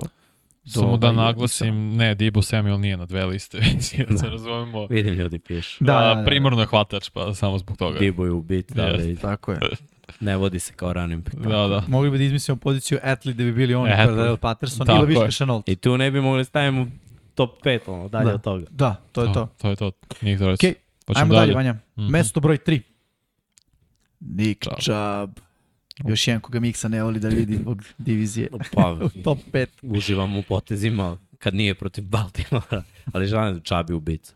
Čekaj, čekaj, ubica samo, čekaj, samo sekund, izvini. Znači, peti je Harris, četvrti je Mixon, Tako je. treći je Chubb. Da. Tako je sve u diviziji, zato i, I kažem. slobodno mogu kažem Baltimore kad je Lamar zdrav ima realno top 3 Running game. da, running game. Realno. Da. Igru Ma da po gledaj, Brutal, kada govoriš o brutal. atlet, do ove sezone Lamar je bio svake godine u top 10 running Jeste. backova po broju istočanih Jeste, yardi. jeste. I touchdownova. A usput, Jest. možda i top 10 potrebe, Da. što je ono, lud, ludač. Ludilo, stvarno ludilo. Ali ajde da pričamo mi o Čabu. Prvo, Cleveland je Čab u napadu. Jeste. I ako je tu Hunt koji ubica, Cleveland je Chubb i ja mislim da sad kad je tu Deshaun, da Dešon u svojoj karijeri, ali mislim to provereno znam, nije doživao ovo. Aha. Da ima beka koji opet i ove godine bio povređen i propušta utakmici i imao brutalnu statistiku. Ja mislim da Mixon imao bolju sezonu od Čaba. Čab je ono, prvi, drugi down i onda uđe Hunt. E, ali zašto? Baš Čab zato što je Čab, uh, što si to rekao, je, je Čab jednako Cleveland, a Mixon nije jednako Cincy. Dobro, u toj, nije me, sad, u toj nije- meri. nije- Ove nije godine. sad. Da, da, da da. neće biti. Da, da. Ali okej, okay, nema veze, nećemo tu da kažem, uđemo da. sad analizu. Ali da, jeste, Chubb je jednako Cleveland Browns. I Chubb identitet Cleveland Browns. Cleveland Brownsi su uh, ono, run first ekipa zbog Chubba. Chubb je bio isto pocenjen na draftu. Isto je bilo priča, a ne znam da li je on pik prve Michel runde. je išao pre njega. Kako? Michel je Michel, išao pre njega. Da, Pa za Čaba se najviše postavljalo pitanje te brzine na drugom nivou, da, koje je rešio u prvoj sezoni. Već. tako je. I Čak i kad je došao u Cleveland nije bio starter odmah, nego je morao da se izbori. Izborio se i evo i sad sa Huntom. Znaš, realno nije ni lako kad si ti trkač broj 1, a za, za vratom ti diše trkač broj 1 iz druge ekipe koja je došao u tvoj da bude broj 2 zbog stvari koje radi van terena. Ali znaš što je dobro? Hunt je onaj koji je napravio probleme van terena i ne juri toliko poziciju broj 1 na Čabi lik koji ćuti igra.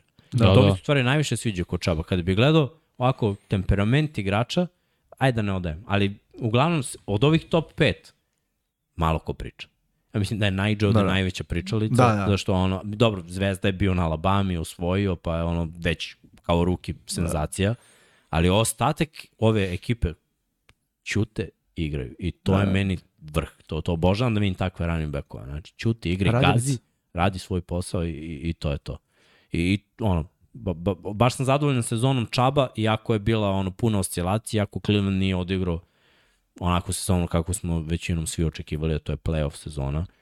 Iole su bili tu negde u konkurenciji zahvaljujući toj igri trčanja.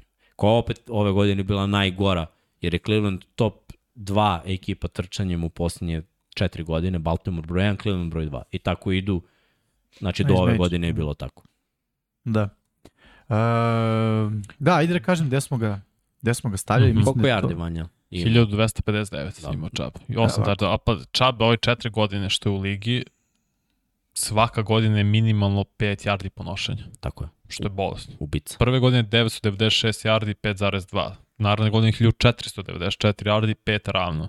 Pre 2000, to je možda i lošija sezona, 1067 yardi, 5,6 po nošenju. Znači to je ono kad su ušli u playoff, ali kad su bile realno više deljene. I sada 1259, 5,5 po nošenju. Ma, to je bolest. To je stvarno ne, nerealno. Moramo da uzmemo, znaš, nije samo yardi, nego i to yardi po nošenju, to, to je vrlo važno. Tako. To je ono, mo- možda Elliot ima 1000 yardi, ali po nošenju nije, nije blizu 5, to, to je problem. Uh, Čaba smo Erceg, Vanji i ja stavili na mesto broj 3, ti si ga Mik stavio na mesto broj 4. Pa samo sam njega i Mixona Da, zarotirao. zarotirao. Tako Mhm. je. Ali ono, svima nam je bilo jasno da je Čab tu definitivno top 3. Pa Po severna divizija AFC ima ono Yes. sigurno tri. Mislim, što se trčanja tiče, ovo je najbolja divizija za trčanje i nema dalje. Tako je. Uh, Uh, Hoćemo dalje. ajmo dalje, mesto broj 2, Yes. koje će otkriti odmah koje je mesto broj 1, pošto Pa već da. ima priče. Jonathan Taylor, Indianapolis Colts. Kako sezona za njega? Ovo je brutalna sezona i samo jedan razlog postoji zašto je on broj 2. Iskreno, u onom većanju, da li je broj 2 ili da li je broj... Prvo da se razumemo, Jonathan Taylor pre nego što je izašao na draft, Vanja i ja smo ovde sedeli i stavili ga kao najboljeg running backa koji izlazi na draft.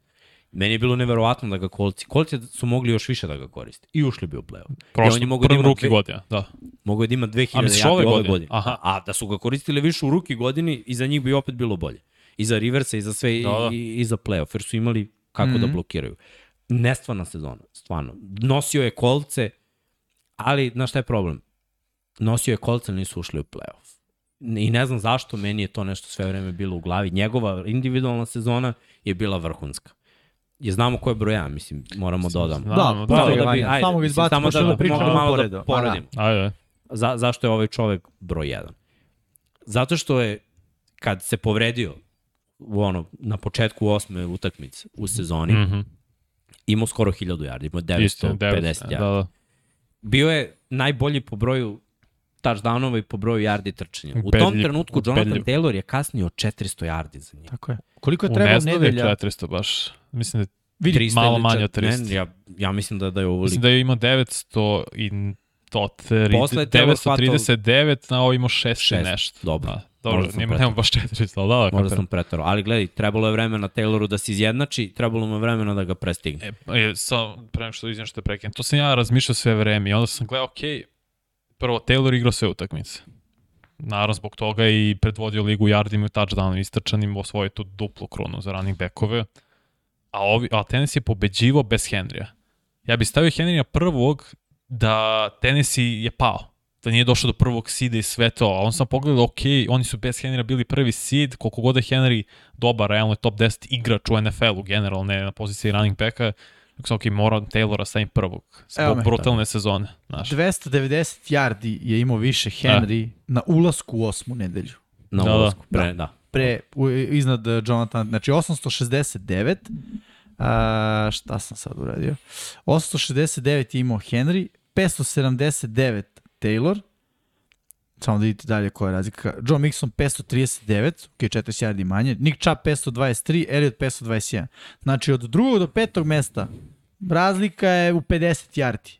A prvim beži drugo Skoro 300. 290 Da, yardi. Skoro Gledaj, 300. On je na polovini sezone. Znači, osma nedelja, Bio na polovina 1000 sezone. skoro. On je bio skoro na 1000 yardi. To je nerealno. Da je ostao zdrav. Da je ostao zdrav, ovo bi bila prva back-to-back 2000 yardi Istina. sezona ikada. Ali on bi to uradio opet u 16 nedelja. Bez obzira što sezona se igra 17 kola, 18 uh -huh. nedelja, kako god. Jer je jedna baj. Da. To je meni pokazatelj da je bez obzira sad glupo je što, što ovako gledamo, ali kad je neko toliko očigledno dominantan, moram da mu dam da je broj 1. Ne znam, mo, možda smo ovde malo pogrešili, možda ljudi imaju mišljenje, ok, on se povredio ovo igru celu godinu i on treba, i ima smisla, Tako sam ja gledao. ima smisla, samo je ovo neko čudovište koje je nerealno, Jeste. totalno neuništeno. Jeste, ne, jeste, da je bio zdrav, ja bih ga stavio broj 1. Bez ikakvog razmišljanja, kako god da je Taylor, ja sam obožavao Taylora na Wisconsinu i odmah kad sam, ja sam isto trebao bude prva runda, to 15 pik, to smo obojice pričali, ali ne mogu ga staviti Henry broj 1, baš zašto je bio povređen, zašto je Tennessee napredovo i bio prvi seed. Jeste. Ja verujem da kolci da nemaju Taylora bi imali Ali- četiri pobede. Manje više su bili prvi sjedi zato što su imali bolestan zalet na tom startu sezone. Koliko su imali? 6-2 na početku, čini mi se. Lepo. Prvih 8. Jeste. Lepo bi. Ajde na kraju da, dva- Tamo starta 12-5. su zauzeli naš Da, da, leadership i posle toga su ih kasnije čekalo na divizijskoj utakmici Da, da, da, njihovoj bednoj diviziji, Da, da, jeste. koje su oni za promenu rešili. Ajde samo da razjasnimo ljudima kako smo došli do ovoga. Znači, Miksa i ja smo stavili Henrya na prvo mesto, Taylora na drugo, Erceg i Vanja obrnuto, Taylor prvo mesto, Henry drugo. I imali smo taj breaker koji nam je razbio Dom Pavlo, Da. koji je rekao da neće da e, učestvuje u ovim top 10, hoće čovjek da bude na odmoru, u fullu, Da.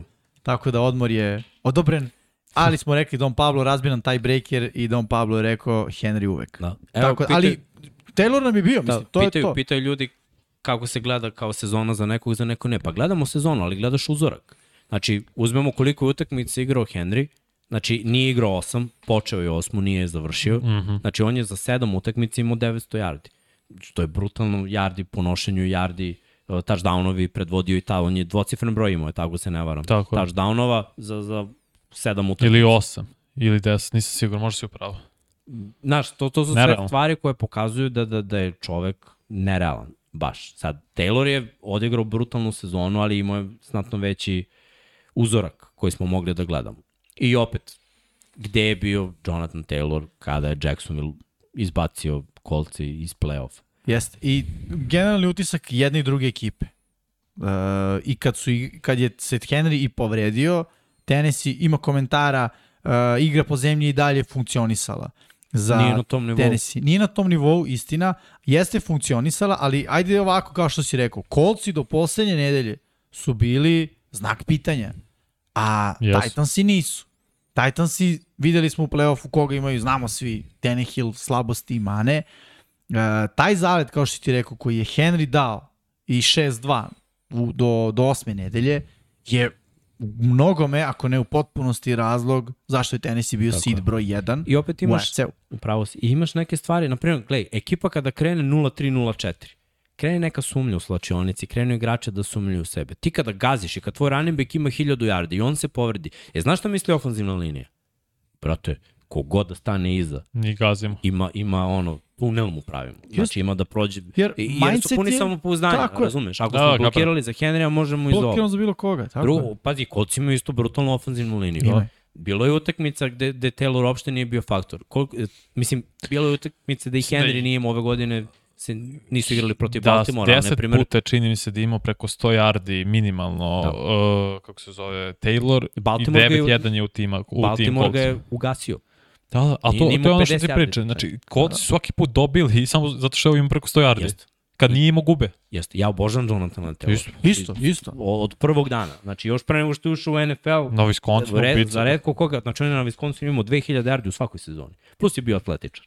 Tako je. Vol- I plus je teretan izve. Znači, ako neko gotim, gotim njega, ali gotim i Henry. I volim taj tip running backova. Ćuti, gazi, trči, Tako je. igraj. Samo ako gledamo ko je veća zver, Henry je veća zver. Sad, prva Jeste. povreda u njegovoj karijeri usledila, evo, pogledaj posljednje tri sezone za, de, za Henrya. Da. Ima ono, 2000 prošle godine, ove godine za, za pola sezone imao 1000, pre dve godine imao 1600-700. Mhm. Znaš, ono, nje- njegove brojke su takve da Yes. moramo mu damo respekt. I vidi, ja bih rekao što jednu stvar. Da je Taylor na kraju, da je Don Pablo rekao Taylor, ja bih Bio lagano. bi Taylor. Bo, Da. Skroz lagano bi rekao Taylor i bio bi u fazonu, ono, legitimno. Meni je ovde samo nijansa. I bukvalno ono, lična preferencija. Bilo je 2-2 između nas četvorice i kažem mi da je Don Pablo rekao Taylor, ja bi ono, što, što se kaže, mogu mirno da spavam jer znam da, ono, to je to. Broj 1, broj 2. Da. Njih dvojica. Da, da. Ali ajde da kažemo ovako, ovo su definitivno dva najbolja beka trenutno u NFL-u. Da. I mislim da, da je, na šta je najče, što smo radili quarterbackove i što smo radili running backove i da slobodno možemo da kažemo da je ono, jedan i dva, razlika mizerna, ako ne nepostojeća, da je samo mišljenje Pa, lično ovoga ili onoga ko je broj jedan. Je grupu isto. I to je vrh. I sledeću grupu Što isto samo tako. govori o tome da, da, da imamo ono, svi se donekle slažemo da broj 3 nije broj 1. Da, da. za tako, quarterbacka je tako. tako, je, tako. Znači, kogoda je bio broj 3 nije u konverzaciji za broj 1. I ovde je broj 3 vrhunski bek, Jeste. ali, ali- nije broj 1. A de, ono, Pazi, malo ću debata je za 1 da 2. odam i za wide receivere nam je tako. Ja, realno- ne, druge nismo uradili, ali ćemo uraditi. Ja, Ne, verujem mogu da, da kažem i sad, ako gledamo realno, Ja mislim da je samo Aaron Donald toliko dominantan Da. na svojoj poziciji, da, da za ostalo Da, možemo da, da vršimo da. neku debatu, ali uglavnom Bukvalno, imamo bukvalno. dva brutalna igrača u samom vrhu na svakoj Evo sad možda prođeš kroz top 10. Da. Evo, znači ovo je naš top 10 po konsenzusu. Još jednom, znači Elliot broj 10, Damien Harris broj 9, Kamera broj 8, uh, Ekele broj 7, Dalvin Cook broj 6, Najee Harris broj 5, Joe Mixon broj 4, Chubb mesto broj 3, Jonathan Taylor mesto broj 2, Derrick Henry mesto broj 1, a evo i kako sam ja glasao. Da, eto tamo prilika da vidimo da li imamo nekoga, ko tebe imamo. Da, me- ko ko nije bio. Conera. Ko tebe imamo, da. Conner je meni na mestu broj 6 zato što je ovo o tom je ono double trouble u smislu prva sezona Conera gde je stvarno zavredio rekao bih poštovanje svih da on je legitiman starter u NFL-u. Bio je onaj projekat u Pittsburghu koji se nije uh, rešio tako u korist, onako, po, da kažem, na pozitivan način. To je kad je Livion Bell otišao. Da. Imamo Conor, imamo Conora, imamo, nemamo povređen, nije povređen, može, ne može, znak pitanja. Čovjek dolazi u Arizonu, Arizona koja ima situaciju sa ranim bekovima istu takvu. E, to nismo rekli. Chase Edmonds je otišao negde da igra. Uh, Chase. Edmonds otišao u Miami, zar ne? Uh, nisam siguran. Nisam siguran. Možemo da Pogledat to- ćemo posle. Ali da Pogledat kažemo da, da je Conner pre svega kao hvatačka opcija i kao Jeste. neko ko je u crvenoj zoni izdominirao. Ne zaustavljiv. bukvalno. Tako je. Međutim, opet je bilo malo s povredama Pa i, i, i taj playbook. utisak Tako je. Arizone, ono druga polovina sezone je bilo kao pff, ono, kva, kva, Po Miami, ništa posebno. U Miami. U Miami, U ja. Miami Chase Edmonds, da, da. Da. Dobro. Tako da ono, meni je to bilo jako pozitivno, zato sam ga ne samo stavio na listu, nego i podigao ovako gore. Visoko na šestu. Da, Ček, ću ti pustiti? šesto mesto, može, da, eto, ispred Joea Mixona, sad će neko reći Jimmy Luci, ali meni je, kada bi mi neko pitao zašto je Arizona imala ovakav uspeh, kao ono što sam malo pre rekao, za Bengalse bi mi Mixon bio ime broj 4, za Arizonu bi meni de facto bi ime broj 2. Znači, rekao bih Hopkins i rekao bih on. Ili bi čak prvo rekao Ma- on, pa Hopkins. A Marej? Kako? Marej? Ma- Ne, ne bih rekao Mare, iskreno. Mislim, to je, to je moj doživljaj, onako, Možda. šta znam, možda Ok, neko i bi. Stavio sam ga iznad Demijana Harrisa, to je ono, komiti, što smo pričali, running back Da. by komiti. Iznad Ekelera jer Chargersi i njihov stil igre i playbook i ideja o napadu ide protiv Ekelera i kamera zbog generalno opšteg lošeg utisa, utiska Saintsa. Samo eto zato ono, dajem da kažem svoje obrazloženje. Razumem da se mnogi neće složiti, prvo vas trojica se niste složili, nikoga nije stavio u top 10 i to mi je okej. Okay. Ali ovaj, ovo ostalo su sva imena koje smo već uvrstili u top 10. Mm -hmm. To su mikse. E, pa, gledaj, da. gledaj, kod mene uglavnom sve bilo kao što je na listi. Osim Javonte. I osim Chubb i, i Mix. Zašto sam stavio Javonte? Zašto je prvo Javonte delio sa Gordonom. Svaki put kada je Gordon bio na terenu, video se da je bilo drugačije. Iako je dobio uh, više snapova Gordon, meni Javonte deluje besno. Sledeće godine, mislim, jeste da mi ocenjamo prethodnu sezonu. Ja sam prethodnu sezonu vidio da Denver ima startera na poziciji running backa mm. koji je 10 puta bolji nego čovek koji je plaćen da bude starter. Uz to, način na koji on gazio ljude i trčao u nekim utakmicama je meni bio wow. Ovo je nešto, mislim, i dalje je to kaljenje, i dalje ćemo te tog da vidimo, a ocenjujemo prethodnu sezonu, ali taj neki subjektivni osjećaj da, da je nešto sledeće veliko što se sprema je meni Javonte Williams prethodne sezone bio.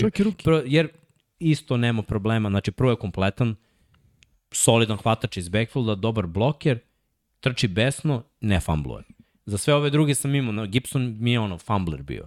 Conner mm. injury prone i da kažemo da ono u Arizoni je ono, nije mi bilo to, to bio je pre, preefikasan zbog toga ima smisla da bude broj 10, ali mi ovo deluje nekako kao kompletni back. Šta koga me podsjeća Javonte Williams i pošto on i kako se zove Michael Carter zapravo i su obojca North Carolina, on podsjeća na Michelle i Chubb. Užasno me podsjeća na to. Sada Javonte Williams više izgleda kao Chubb trenutno i mislim da će nastaviti da. tom projekcijom, da. ali ovaj tandem je na to podsjeća, što oni na koleđu stvarno gazili. Mislim, North Carolina nije poznat kao neka kao futbalska škola, više košarka, ali stvarno su njih dvojice bili bolesno dobri te poslednje godine. Tako da da, mislim, vidim zašto se ga stavi, jasno mi. Da, uh, znaš kako, još gledam sledeće godine, zamisli, pazi, Wilson, koji šta u svojoj karijeri u poslednje od Maršona Linča nije imao, konstantnog beka koji trči, a najbolje igra sa bekom koji trči besno i to je bio pokušaj sa... Sa Pennijem. Sa Pennijem. Ne sa Penijem, nego sa Carsonom. Carson, da. Pa onda i sa Penijem kogu su draftovali. Znaš, ono, kao ajde da nađemo beka koji će da trči besno kao Maršon i da bude zdrav, mislim da je ovo to to. I, hmm. znaš, kao i Maršon Lynch, ovaj je jako pocenjen za ta hvate. Kad imaš takvog beka, misliš da ono je drven i ne može da uhvati loptu. Jasno, može da uhvati da. loptu. Gledamo sad Srkijevu. Da, što Srkija tiče, eto on ima Gibsona kog nismo uvrstili, preostalih devet su ovaj, već na, na našoj top 10 listi, misliš da negdje logično očekivano. Tako je, pa dobro, mislim ja sam imao isto kao Srki Gibsona i da. ti si Miksa rekao na početku zapravo zašto je tu na granici, mislim on je imao preko 1000 yardi i sve mu je dobar. Možda sad ne iskače, ne, nije ni u čemu odličan, ali generalno je vrlo kvalitetan back, pouzdan, mislim ovo koja je druga godina, čini mi se, u, u NFL-u. Ja mislim da je treća. Ili ali... treća. Druga ili treća, ili, znam. Da, druga ili treća. Mislim da što je bio iznenađenje, sad će se kao ruki je bio baš ono iznenađenje, otkuda je igrao baš dobro. I oni i McLaurin su ih uveli u playoff pre dve godine. Yes, to, yes. to je činjenica. Samo što meni se ne sviđa što od, od samog starta svoje karijere on ima problem s fumblujem. I to mi je ono neshvatljivo. Imali smo ovde pitanje, kad već pominjamo te igrače mm -hmm. koji bi mhm. mogli da vraćali se Barkley na e, top da. 10. E, druga godina je ovo Gibson. Za Gibson. Druga. Da, da, da, da, da. Sad ja gledam takođe. Da li se Barkley vraća na top 10 sledeće godine? Vidi, sa Dejbolom kao glavnim trenerom, ja bih rekao ne. Da. A, ali, ono, ajde da me, da me demantuje. U smislu, ne Barkley, nego Dejbol. Ima imena koje su kao zvučna, koje nisu ovde. McCaffrey, na na top 10 koji nije tu. Mm -hmm. Ako, mislim... Aaron Jones, Pa, I ja bio je povređen. Yes, bio, da. Mislim, realno je došao je bio povređen samo da. zato bio top 10. On je meni top 10 je... samo ove godine. E, ove igrao. godine je Dillon malo, da. ostavio da. veći utisak zato što da, da. možda nije bio, bilo je bilo očekivano. Svi smo videli Dillona kao ono short yardage situacije, goal line, dečko je trčao legitimno. Onda mi on bio veća vez, da Tako. kažemo, od Arona Jonesa ove godine. No. Uz povrede Mislim, Jonesa, pre početka sezone ja sam imao neku projekciju da bi J.K. Dobbins bio u top 10 jer stvarno onaj finish od pre dve godine kad je u svakoj utakmici dao touchdown i kad se videlo da je da ima brzinu. Da je ostao zdrav starter Tako je. u ovom sistemu Baltimora. Koji tamo trči. Mislim. Ima, ima smisla. Da. Mislim, I to je opet mlad mm -hmm. igrač koji je na koleđu dominirao. Pa onda pogledam još timova koji imaju takve running back. Sad timovi malo kuketiraju ono 1-2 što radi Baltimore, na primjer što radi Fila. Jer Sanders da je sam trči, imao bi on brutalnu statistiku, ali trči quarterback i trči drugi running back. Da, da, da, Green Bay to ima, mislim. To je. Pa da, i sad, znaš, svi oni trpe, kao što trpi Aaron Jones zbog Dillona, tako, mislim, to su te ekipe gde, gde se trpi, gde, gde i Hunt trpi, Hunt da je starter negde, bio bi verovatno top 10. Svi- pa, Mislim, ima i ljudi pričali. koji igraju u ekipama kao što, na primjer, Robinson igra u Jacksonville, da ima 1000 yardi pre dve godine, Jeste. pa je bio benchovan ove godine, jako ono najtalentovaniji igrač, što je ono da se prekrstiš. Pa si povredio. I još igra u nebitnu ekipi gde ono buđe statistiku. Dobro, i je, pazi, mislim, kad se Etienne vrati s povrede, to je još jedan rookie running back, sad će biti druga godina, gde opet to je deliće. Jeste. Vidi Oni koga, Robinson će deliti, realno. Da, koga isto nemamo na spisku, Fornet. Ali ove godine je bio toplo hladno. Mislim, Pa i toplo prošle. hladno. Prošle godine bolju statistiku. U play-offu. Jest, On je u jest. play-offu izdominio. Da, tačno. Tačno. Tako da da, ono, mislim, ima imena. Uh, evo ima pitanje šta je sa Jacobsom iz Raidersa. Pa, Bio je povređen da, ove Povređen isto, nema. I to što je bio povređen, on jeste top 10 back, ali ove godine je bio povređen i videlo se da to nije to. Drugu ofanzivna linija Raidersa se baš mučila ove godine do momenta kad su vezali pobednički niz. Znači ono, sve kad se desilo Gruden, Rags, tu su bili problemi, on se povredio i ja mislim da je on isto kao, kao i Henry, da, da, da je bila povreda stopala, što je ono užasno za, za beka koji... Mm. Ali oni su morali, nemaju drugog beka. On su ga tako rovitog držali na terenu i to je bilo to je propast za, njegovo stopalo bilo. I opet on se pokazao, sve to bilo okej, okay, samo nije bio na nivou jer već smo ga videli kakav je ka- kad je u full. I opet i on kao i Elliot ima taj pad. U drugi sezone sve ide na dole. Znači i to mora da se promeni za Raiders. Mislim da ima smisla sada kad imaju bolje hvatače i kad porade malo na ofenzivnoj liniji da, da, da bi on mogao da. Da. da se vrati da bude ono produkt. I da dodam još jedno ime, Elijah Mitchell. Koji može naravno zapravo može da bude da, iskoči. Može da bude ovde, ali Pa gledaj, e, on je imao 1000 yardi ili je bio na, na ono pedalj od 1000 yardi. sad ću ti reći. Ja mislim da možda je imao 950 plus, Da. ako se ne varam. A nije ni on igrao sve utakmice, još je ruki. Tako je. Kao ruki je ostavio, mislim, ono, fantastičan uh, utisak, tu, tu nema govora, samo da ga vidimo sad šta kaže za njega. 963, Pa da, To je to. Da. Da. 4,7 prosek. Da, i on je ono, lepo pokazuje. E, s tim što vidiš, on je izgubio meni malo na značaju, zato što Debo Samuel mu je oteo slavu, je. postižući touchdownove Tako je. kao running back. I to ih je postigao ono skoro dvocifren broj, što znači Jeste. da ono, ok, imamo nekog drugog ko će da trči. Znaš, postoje ekipe u, u kojima dobar running back treba ipak da se iskaže. Sad to u San Francisku on neće moći, jer ima previše tu usta da, da znaš, ima i dobrog fullbacka, i tight enda, i dva hvatača, i sad se radi na tome, znaš, da, da ubaci još tih gadget playera i da bude još zanimljivije, ali imaće hiljadu yardi. Sad je ovaj potez da Monsterta šalju dalje, ono, pokazatelj, ti si nam starter. Da, da. Našli Što- smo te, što se kaže. E sad imamo ovde, uh, E, da. ajde, drugo i dalje. Ne, to je to. To je to. Imamo par pitanja, Pitanja. nisam rekao za Markusa Williamsa iz Saintsa u, Pa u ja. Ravense. Ja sam, Ali ja, ja, sam. imam pitanje kao kako bi prokomentari su vrh. Mislim Da, da, je ono top 3 safety bio na tržištu i da je Baltimoreu to preko potrebno. Što se sekundarije tiče, prošle godine su bili sve rezervisti, to je baš bila rupa. E, da, da, da. Ajde sad ovako. Možemo krenemo sa pitanjima, Može. a, ali pre toga opet like, subscribe subscribe. i naravno, što bi rekao Srđan, mazite se i pazite se. Tako je. Ne znam kako to zvuči kad ja izgovaram, ali citiram Srđana u svakom slučaju. Uh, ok, idemo na deo pitanja i odgovori. Ajde ovako, ima par pitanja koje sam već e, video. Ko je po vama najbolji, pita Favela Kube 4, ko je po vama najbolji running back kao hvatač? Po meni je White i Kamara. Eto, dao je dvojicu. Uh, running back najbolji kao hvatač. E, ok, slažem se i White i Kamara, ok. Hunt, rekli smo, Christian McCaffrey meni. No, McCaffrey Da, može da, stvarno, bude tu. baš. Oni trči iz slota. Tako je. Mm, da, ja bih rekao, mo, ajde, složit se s tom manje, McCaffrey. Kad je zdrav, naravno. Ima ih, mislim, stvarno ih ima. Bez veze je ono rangirati, jer neki su specijalizovani samo za to. Jest, White je third down back koji hvata iz backfield. jest. Više cenim McCaffrey koji igra prvi i drugi down i onda stane mm. ono, Mm. i, trči i hvata rutu u stvari na, na, na Ili trećem downu. kameru. Tako je, koji su ono sve vreme na, Jeste. na, na terenu. To je meni za veći respekt. E sad sve zavisi kako rangirate. Da li je White uspešniji, da li je jedno... To je ono kao sedmoboj i jedna disciplina. Oni koji samo skaču dalje, bolje skakaču dalje od ovog koji, Od svakog koji koji trči sedmoboj. Mm, ali ovaj koji trči sedmoboj Je brži od dobar u- ovoga. da, I ne samo brži, nego znaš, u drugim disciplinama Da. je mnogo bolji sigurno, a ovaj se posvetio i buđi jednu stvar, jedan skill.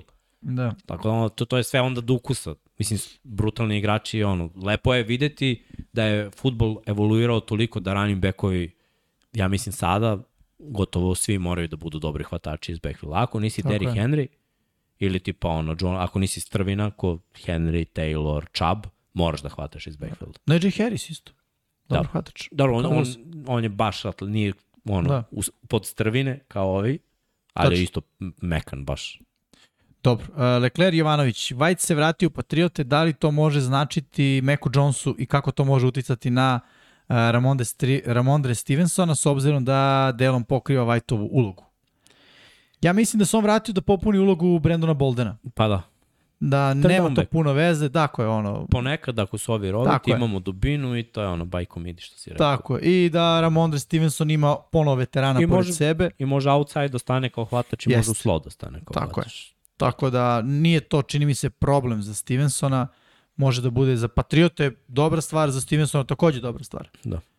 Evo imamo priču neku da Mhm. Baker sa kolcima kao prvim Mhm. izborom. Ja Opa. kažem ima smisla zato što za kolce ne zavaravaju se da imaju quarterbacka, Baker ima ugovor samo na još ovu godinu, to mu je peta godina u ugovoru, Kinta je ok, to je 18 miliona, nije ništa mnogo, znači za male pare dobiješ nekoga od kog znaš šta očekuješ, imaće, imaće bolje, ono, sličnog running backa, ajde da kažemo odnosno na prošlu sezonu, boljeg, ali generalno isto, ofanzivna linija mu je opet dobra, odbrana mu je mnogo bolja nego što je bila u Clevelandu, divizija mu je mnogo lakša nego što je bila na severu AFC-a i onda razmisliš, ono, vidiš, ne košta te mnogo. Znači, ja mislim da za Bakera se ne traži ono, neki visoki pik, da će oni, ne, ne mogu da projektujem, ja ne bi dao, znači, najviše što bi dao za Bakera Mayfielda je jedan pik druge runde.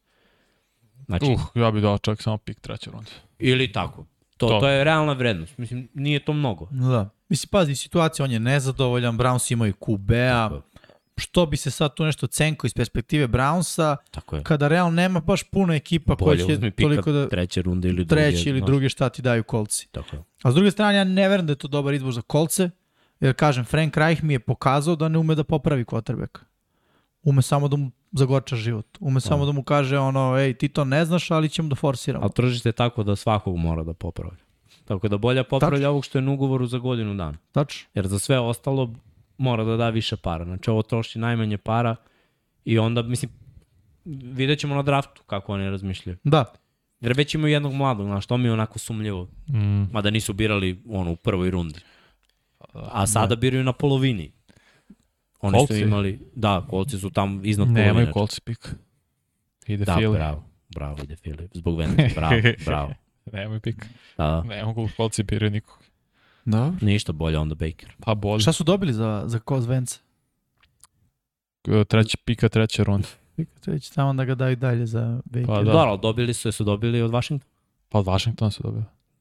Pa to, to Pika, kažem. pa Za ko- za da su dobili pika Da. treće runde, čini mi se možda Drugi. drugi, nisi siguran. Dobro, bolje išta nego ništa. Pa bolje. Ok, uh, ajde možda je malo off topic, da pročitam. Big Ben pita, imali para u evropskom američkom futbolu, koliko su plaćeni igrači u boljim klubovima u odnosu na Srbiju? Ja mislim da je bottom line, ne. Da. Mislim, kad kažemo imali para, može verovatno od tog novca da se živi taj mesec u tom nekom inostranstvu. Ne ništa spektakularno, ne nešto da se živi kao što žive, ajde da kažem da upotrebi možda malo bez veze, ide, ali ono pravi plaćeni sportisti, pravi profesionalci. To je moje mišljenje. Ja nemam baš to tačne neke informacije, imam neke okvirne, ali definitivno toga ne može da ode u penziju. Mislim, a po meni ako od nečega ne možeš da odeš u penziju, a radit ćeš ga 5-6 godina i nema puno smisla. Ja ćeš jednom da imaš 30 godina i da se pitaš šta sam ja radio do sad, imaš nula radnog iskustva i ono, koje su ti opcije. Tako da, moje mišljenje je da nema, ali je super za mlade momke koji su dobri uh, u svojoj zemlji da naprave korak dalje i da odu negde malo, to proputuju u nekim uh, ranim 20. godinama malo žive u inostranstvu, malo ono, igraju, ostaje se, da kažem, drugačije, ali treba razmišljati ipak ono dugoročno. Miksa, ti Sve si rekao, pa nema šta da bukvalno. Uglavnom u Evropi Amerikanci zarađuju. Da. A i to Američki što oni, treneri, a nije to neka kinta. Da. to što oni zarađuju, to je zato što kad se vrate kući imaju malo više mogućnosti nego evropljani kod sebe kuće, tako da kažem. Uh, ok, Marko Hector, nije me bilo nekoliko nedelja, nisam baš u toku šta će moj Senci, Senci uglavnom QB uh, ostaje li Winston, to jest da li će ga potpisati. To smo malo bili spomenuli. I dalje piše da su u igri. I Da. to. Da, da im je to Ne znamo sada ništa, ali to im je glavni fokus. opcija. Pa da. Da. Uh, komentar za novog kvotrbeka Steelersa, Dux pita. Upgrade u odnosu na Masona Rudolph. Ogrom. I Haskinsa. Da. Obojicu. Jeste. I Da ja bih je- rekao da to može bude dobar potez. Jer e, ja mislim da za ono e, lošu sliku Trubiskog u Bersima je kriv dosta i Negi Jeste. i vidjet ćemo šta će ovde da se desi. Ali krivi Trubiski. Trubiski nije Jeste. ono precizan dodavač. Nije Šta je- šta je problem? U ovoj diviziji će biti najgori quarterback. Biće, biće.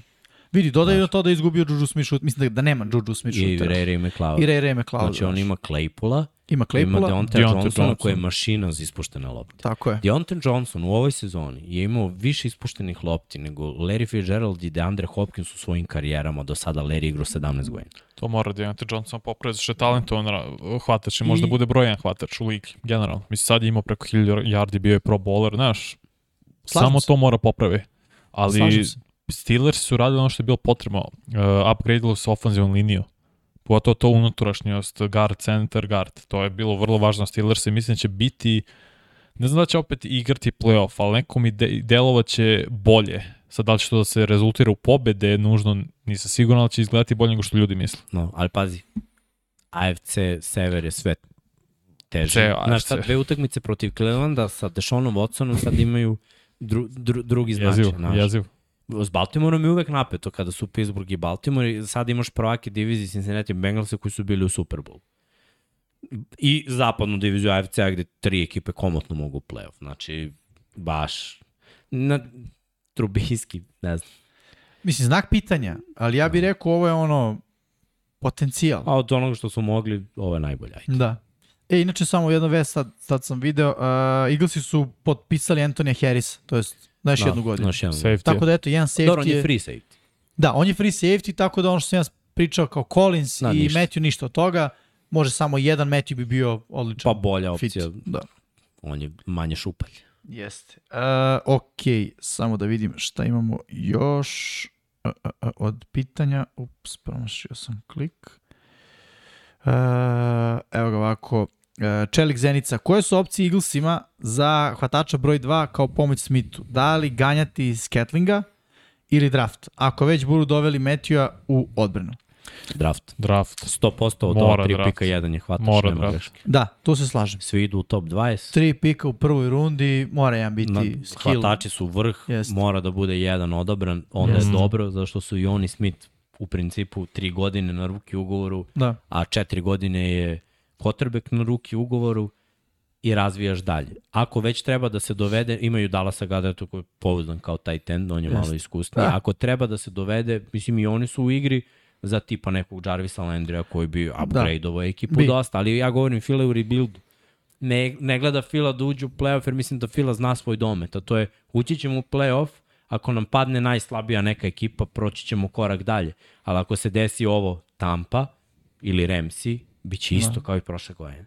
Znači, velika je razlika, mlađi je trener, ekipa je u rebuildu, neiskusnija, ne mogu oni da premoste Mislim, to. znaš šta, ja sada razmišljam ovako, ako bih hteo da stvoriš najbolje okruženje za uh, Hrca, treba bi da uzmeš nekoga na draftu i treba bi da uzmeš nekog free agenta sada, ali ne Marquez Val, Val, uh, Valdez da, Scantlinga. ne, Da, neko kom, on je is- isti kvalitet igrača kojeg će da draftu. Tako. Mislim, gledaj, pre bi uzeo ja nekoga bih koji rekao čak i bolje da je loši. Ovi, ovi što sad dolaze na draftu, Da. da. kao ova dvojica Ohio State, Chris O'Leary, ovi da. Trey, uh, ovaj Traylon Burks i, Pa i James ovaj Williams. Drake isto. London, isto mi. Drake London, stvarno, mnogo su bi- ozbiljni, legli mnogo bi su bolje. ozbiljni. I ono, mislim, pazi, ako se desi ovo, Laviska Chenault, ti dobiješ nekoga ko može Jest. da igra beka i hvatača i da protrčava one jet sweepove, znači malo te remeti u odbrani i možeš da dovedeš nekoga ko je ono mismatch noćnog mora, ništa posebno za malo para tipa Cole Beasley. Da. On će dobije jedan na jedan nekog linebackera ili nekog DB-a, tamo da ovaj čušne tih nekih 5-6 yardi,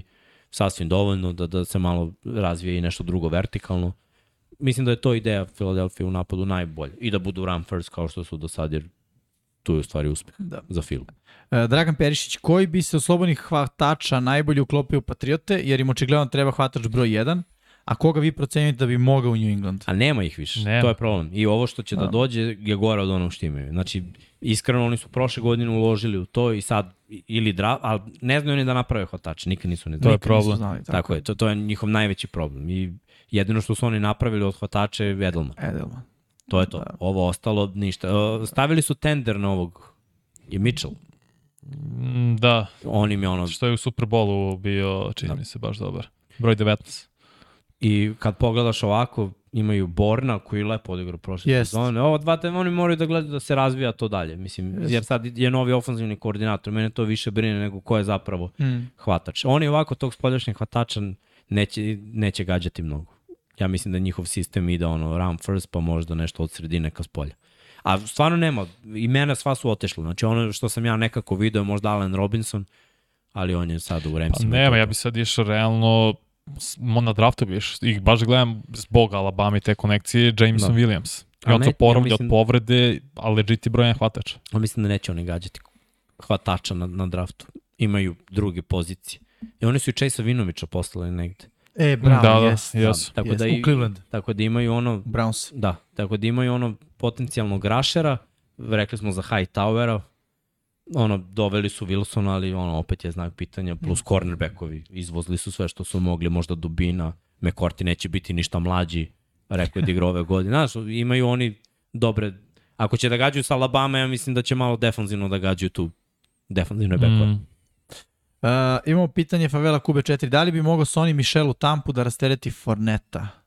Mislim da Mišelu treba ono da bude broj 1 i da ima je. pari da ide u ekipu koja trči, jer ako nastavi ovako da igra po 800 yardi Ma da. sezone, pada njemu vrednost. Njemu treba 1000 yardi pod hitno da ima sezonu. A to može Tako da ima je. samo u ekipi koja neće bacati mnogo. A, a Brady, ako zamisli ovo, sa Gadvinom, sa ovim Evansom vrati se Grunkovski, ne daj Bože da dovedu Kulija. Ne, ne, bože. Gde, pa ne mislim da. za running backa. Ti da si Da. running back i da znaš da imaš pet hvatača Nekad. koji su ono, 1000 yardi, Ostari ti gladan. da, koliko ćeš da nosiš? Bilo je utakmica da je Tampa imala 10 nošenja. Uh, evo Igor Ninić nam kaže, uh, pik treće runde je dat za Venca, plus još jedan pik treće runde ako odigra 70% snapova. Da, to je to, da. Tako da eto, hvala Igore za pojašnjenje.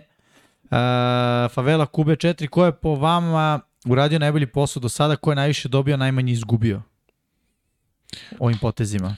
Ja bih rekao Raidersi, po meni onako, oni mi se javljaju kao neka ekipa koja je dosta Ja bih dobila. rekao ceo AFC zapad sem Chiefs. Mislim, Chargers su odbrani Chargersi. Meka i JC Jackson i defanzi dva de, od, dobra, zapravo defensivna tekla doveli. Mike Williams mora računa Mike što je, Williams, to je tako je. Denver, mislim Russell Wilson, ovaj Randy Gregory, ceo AFC I zapad rade se, na Bobby Wagner. tako je, ceo AFC zapad sem Kansas City je stvarno mnogo napredovao. I dodaj nekoliko tu- poteza. Dodaj tu i Tampa, jer kad se vratio Brady, Menja se priča, sve da. se menja i do, neki igrači su odlučili baš zbog toga da ostanu i neki će još da potpišu i da ostanu. Tako da, kada gledaš, AFC je definitivno zapad, jer Ra- Raiders i Chargers i brutalan posao, Denver ajde zbog Russella, ali ove dve su mi ekipe prva, ali Tampa će sad. Najviše ko je izgubio po meni Green Bay. Ovo s Rodgersom ih je uništilo. Jest. ja mislim I da- Devonteom posle. Da, da. Da, da. Da. da. mislim, to je ono. Zaderio nužno Smith isto, da, da, otišao. I Sinci uradio dobar posao. Upgrade je tamo gde je Mm. bilo neophodno Pa. zapravo ofenzivna linija, unutrašnjost ofenzivna linija, tako su oni išli na need, na potrebu i to su i rešili. Jeste. Ok, idemo dalje. Lecler Jovanović. Patrioti će dogodine imati 105 miliona u kepu, a malo glavnih igrača kojima ističe ugovor. Da li ovim pasivnim pristupom u free agenciju možda Bill sprema Meka i ekipu za sledeću godinu i napad na titul? Mislim, mislim da je ovo standardni pristup Bila Beličeka. No. On je prošle sezone prevazišao sebe kad je počeo da troši. Pa doveo Hunter Henry, Se John Smith. ispostavilo trošenje, uh, neko je iz- izvukao tu statistiku da ekipe koje su najviše trošile u prethodnih 4-5 godina znači, ili više čak sezona su u proseku imali 5 pobjeda više. što je big deal. Mislim, uglavnom su to lošije ekipe, ali za Patriote Pa. se to isplatilo što su Pa u ušli playoff. su u play-off, da. Ali Da. mislim, gledaj, izvukli su Huntera Henrya 10 touchdownova. Jonas Smith nije uklopio, uzeo je Kinto, ali okej, bio je dobar bloker što se odrazilo na trčanje. Jeste. Rookie quarterback je morao da ima neko oružje da, da ne bi izgledao katastrofa. Judon. I, i delovalo da Judon je bio u regularnom delu sezone. To ti brut- kažem. Dobro, posljednje dve, tri utakmice je playoff katastrofa, ali pre toga dvocifren broj sekova, rekord u karijeri Mhm. po broju sekova. Znaš, isplatilo se što, što su dali Kintu za te neke slobodne agente. Da. Ok, ajmo dalje. Branislav Dević, e, da li su ove prejake divizije dobre za ekipe ili ne, pošto previše jakih utakmica dolaze povređeni i umorni za playoff? Pa nisu dobre, ja bih rekao. Nisu, da je dobro. Dobre nikako, E, ne, ne samo zbog toga, nego, mislim, ono, ko je sad, evo, favorit broj 1 na zapadu a- AFC? Ma nema, Neka, sad ga nema. Svi su ravni. Ajde, nek neko sad napravi neko poređenje i da kaže stojim Gledao bi pri tome do kraja. Gledao bi raspored, Ko još nije izaš, ne sad, znam. zato što otprilike znaš ko je bio gde rangiran. Da. Mislim, znam da će Denver imati najslabiji od njih, zašto su bili poslednji Četvrti, plasirani. da. Pa će igrati sa drugim ekipama koje su bile loše rangirane, ali što ne znači da te ekipe se nisu upgradeovale sad je. u off-seasonu, Tako je. jer se po tome pravi raspored. Tako je.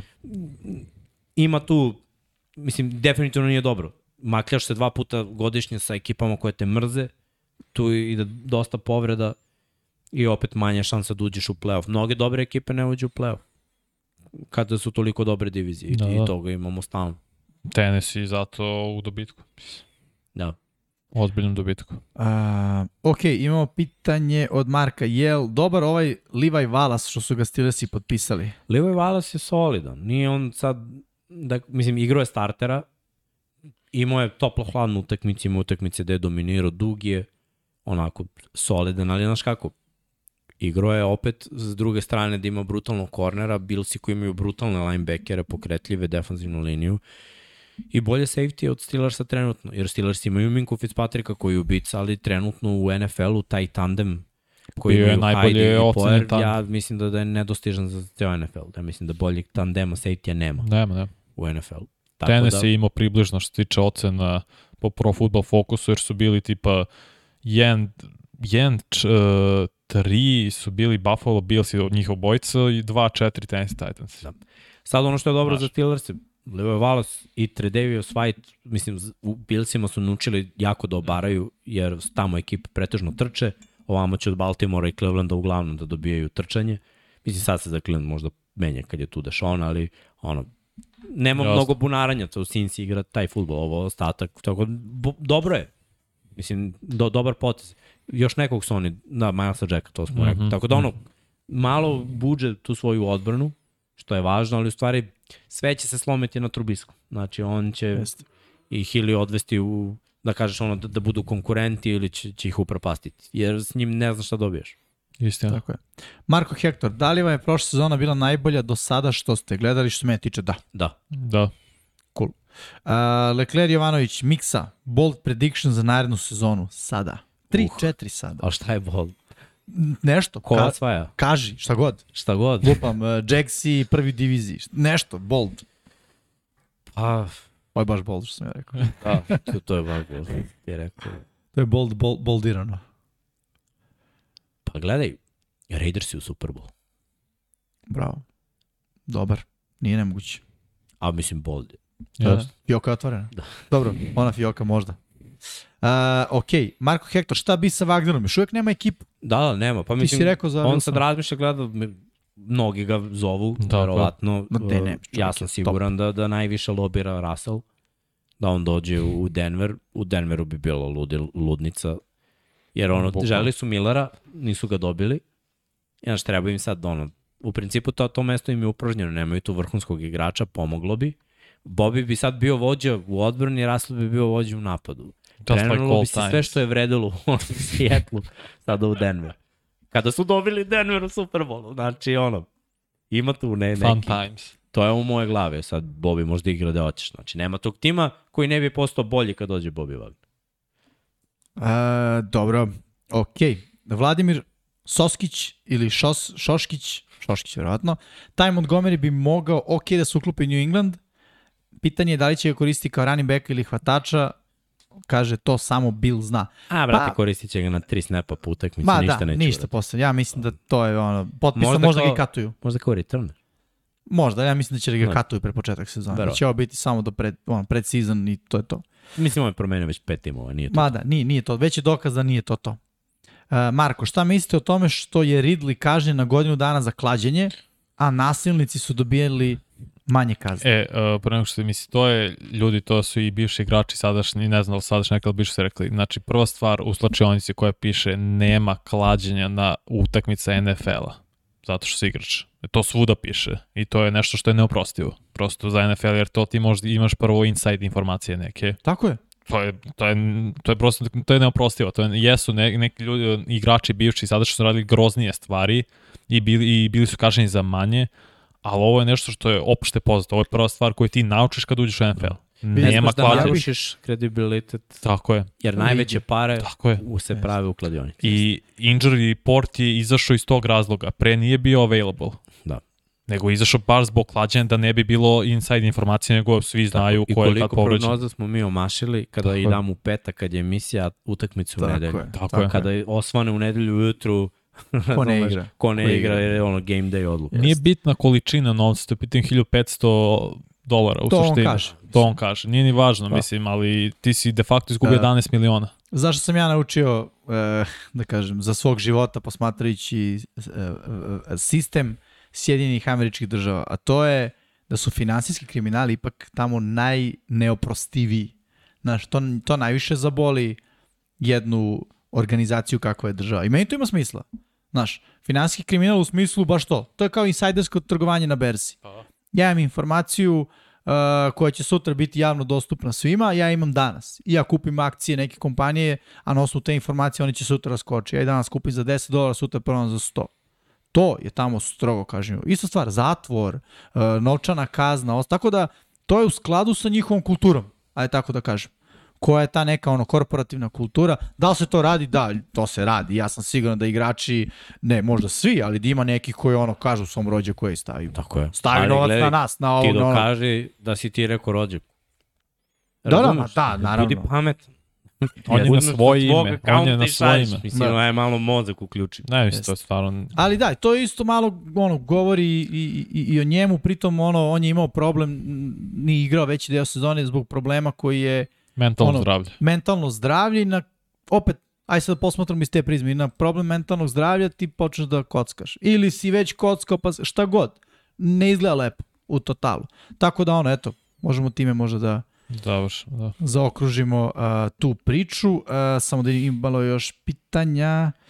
Evo, ja ću ti dam jedno. Kristija Kirk ozbiljno Mm. preplaćen, kako komentarišete. Burazer ne da je preplaćen, nego ništa nije uradio u svojoj karijeri, uvek je bio opcija broj 2 ili 3, Da. ništa posebno. Znači, ništa posebno. Ja mislim da, da, da je toliko podigao standard. Evo prvo, da kažem, Devonte Williams kad je vidio koliko pare je dobio Christian Kirk, verovatno je rekao na to dajte još 10. Nisi Da, da. Devante Adams. Samo, Devonte Adams, da, Da, da? Williams. Lu- Luc. da. Samo na Kirka dajte još 10 meni. Da, Realno. ne, I to bi bolest, bilo legitimno, da je rekao. Stvarno, ne, ne znam Toliko kako. i dobio. Ali, ali Jackson je očigledno u tolikoj frci da, da daju A, da. bilo šta Da, da. Lorenzu da ne bi izgledao kao bast dve godine za redom. Dobro, znaš, i, i ono, Pederson je možda, znaš, doprineo malo tome. U smislu, znaš, ja pretpostavljam da je on rekao, "O- ovaj tip igrača mi treba. Biće on dobar za Lorenz. I da su ovi rekli, ok, otvari kesu, ono, daj koliko god da traži. Ali svaka čast za, agenta, Kirk. Da, dajte Da. meni tog agenta Da. za, za bilo, bilo kakav pregovor. Kad idem Tvorit će na tezgu pijac, na buljaku. kad bre. idem na pijac, nek ide sa mnom. Tako je, da ide čovjek sa mnom. E, ok, mislim da smo miksa pokrili sve. To je to. Pa, Pa jesmo, to je to. pa da, Taman, Witching Hour da, i dve bravo. minute. Da. Ništa, ovaj, sve smo pokrili. Nadam se da vam se sviđa top 10 koji smo uradili za, za running backova. Vidim da je tu bilo opet malo nesuglasica, ali samo za poziciju 1 i 2 koja E, je prošle nedelje. To ali je cool, super, ono, da. zato smo zajednica, diskutujemo, da svako kaže svoje mišljenje, da možemo da pričamo ono, zašto ovaj da, zašto ovaj ne, ali eto, još jednom da ponovim da kažem stav svih nas, kogod od ove dvojice da je bio prvi, svi smo lagani da. i zaspaćemo lagano nakon, Tako nakon je. to ako god da je, da je bio broj 1. I to obe nedelje, na, Da. da. što, što me Mhm. onako baš raduje. Što se tiče free agency, nastavlja da bude ludo, nastavlja da bude zanimljivo uh, i dalje ima dosta dobrih slobodnih agenata koji dalje čekaju potpisivanja, sve više cene skaču, sve više kinte u igri mislim da, da će biti pa bar još dve nedelje ekstremno zanimljivo. A onda već ostaje ovako. Već vidimo na nekim pozicijama se već iskristalisalo je sad zahvatače je malo slabi, ali Jeste. preći će fokus na druge pozicije i onda ćemo moći da, da pričamo o tome. Svakako, hvala što ste pratili i ovih 99 yardi za sam kraj. Slobodno subscribe, slobodno like. ovaj, mislim, ja sam zadovoljan kako za sada radimo, imamo u planu da se malo posvetimo i draftu u buduće, s obzirom da, da će fokus vrlo brzo za jedno dve nedelje pasti sa free agency, jer ja očekujem Onda će 14 pasti još dana... jedan mock draft. Da, mislim da za čr- 14 dana da će otići dosta ovih dobrih igrača gotovo na svim pozicijama, mm. -hmm. da će ostati oni koji ne spadaju baš u sam vrh, e onda idemo mog draft i malo priče, jer ćemo kristalnije znati, znaćemo kome treba koja pozicija, pa onda idemo na taj draft, sačekamo, naravno, sve vreme pričamo o potpisivanjima i pratimo pozicije.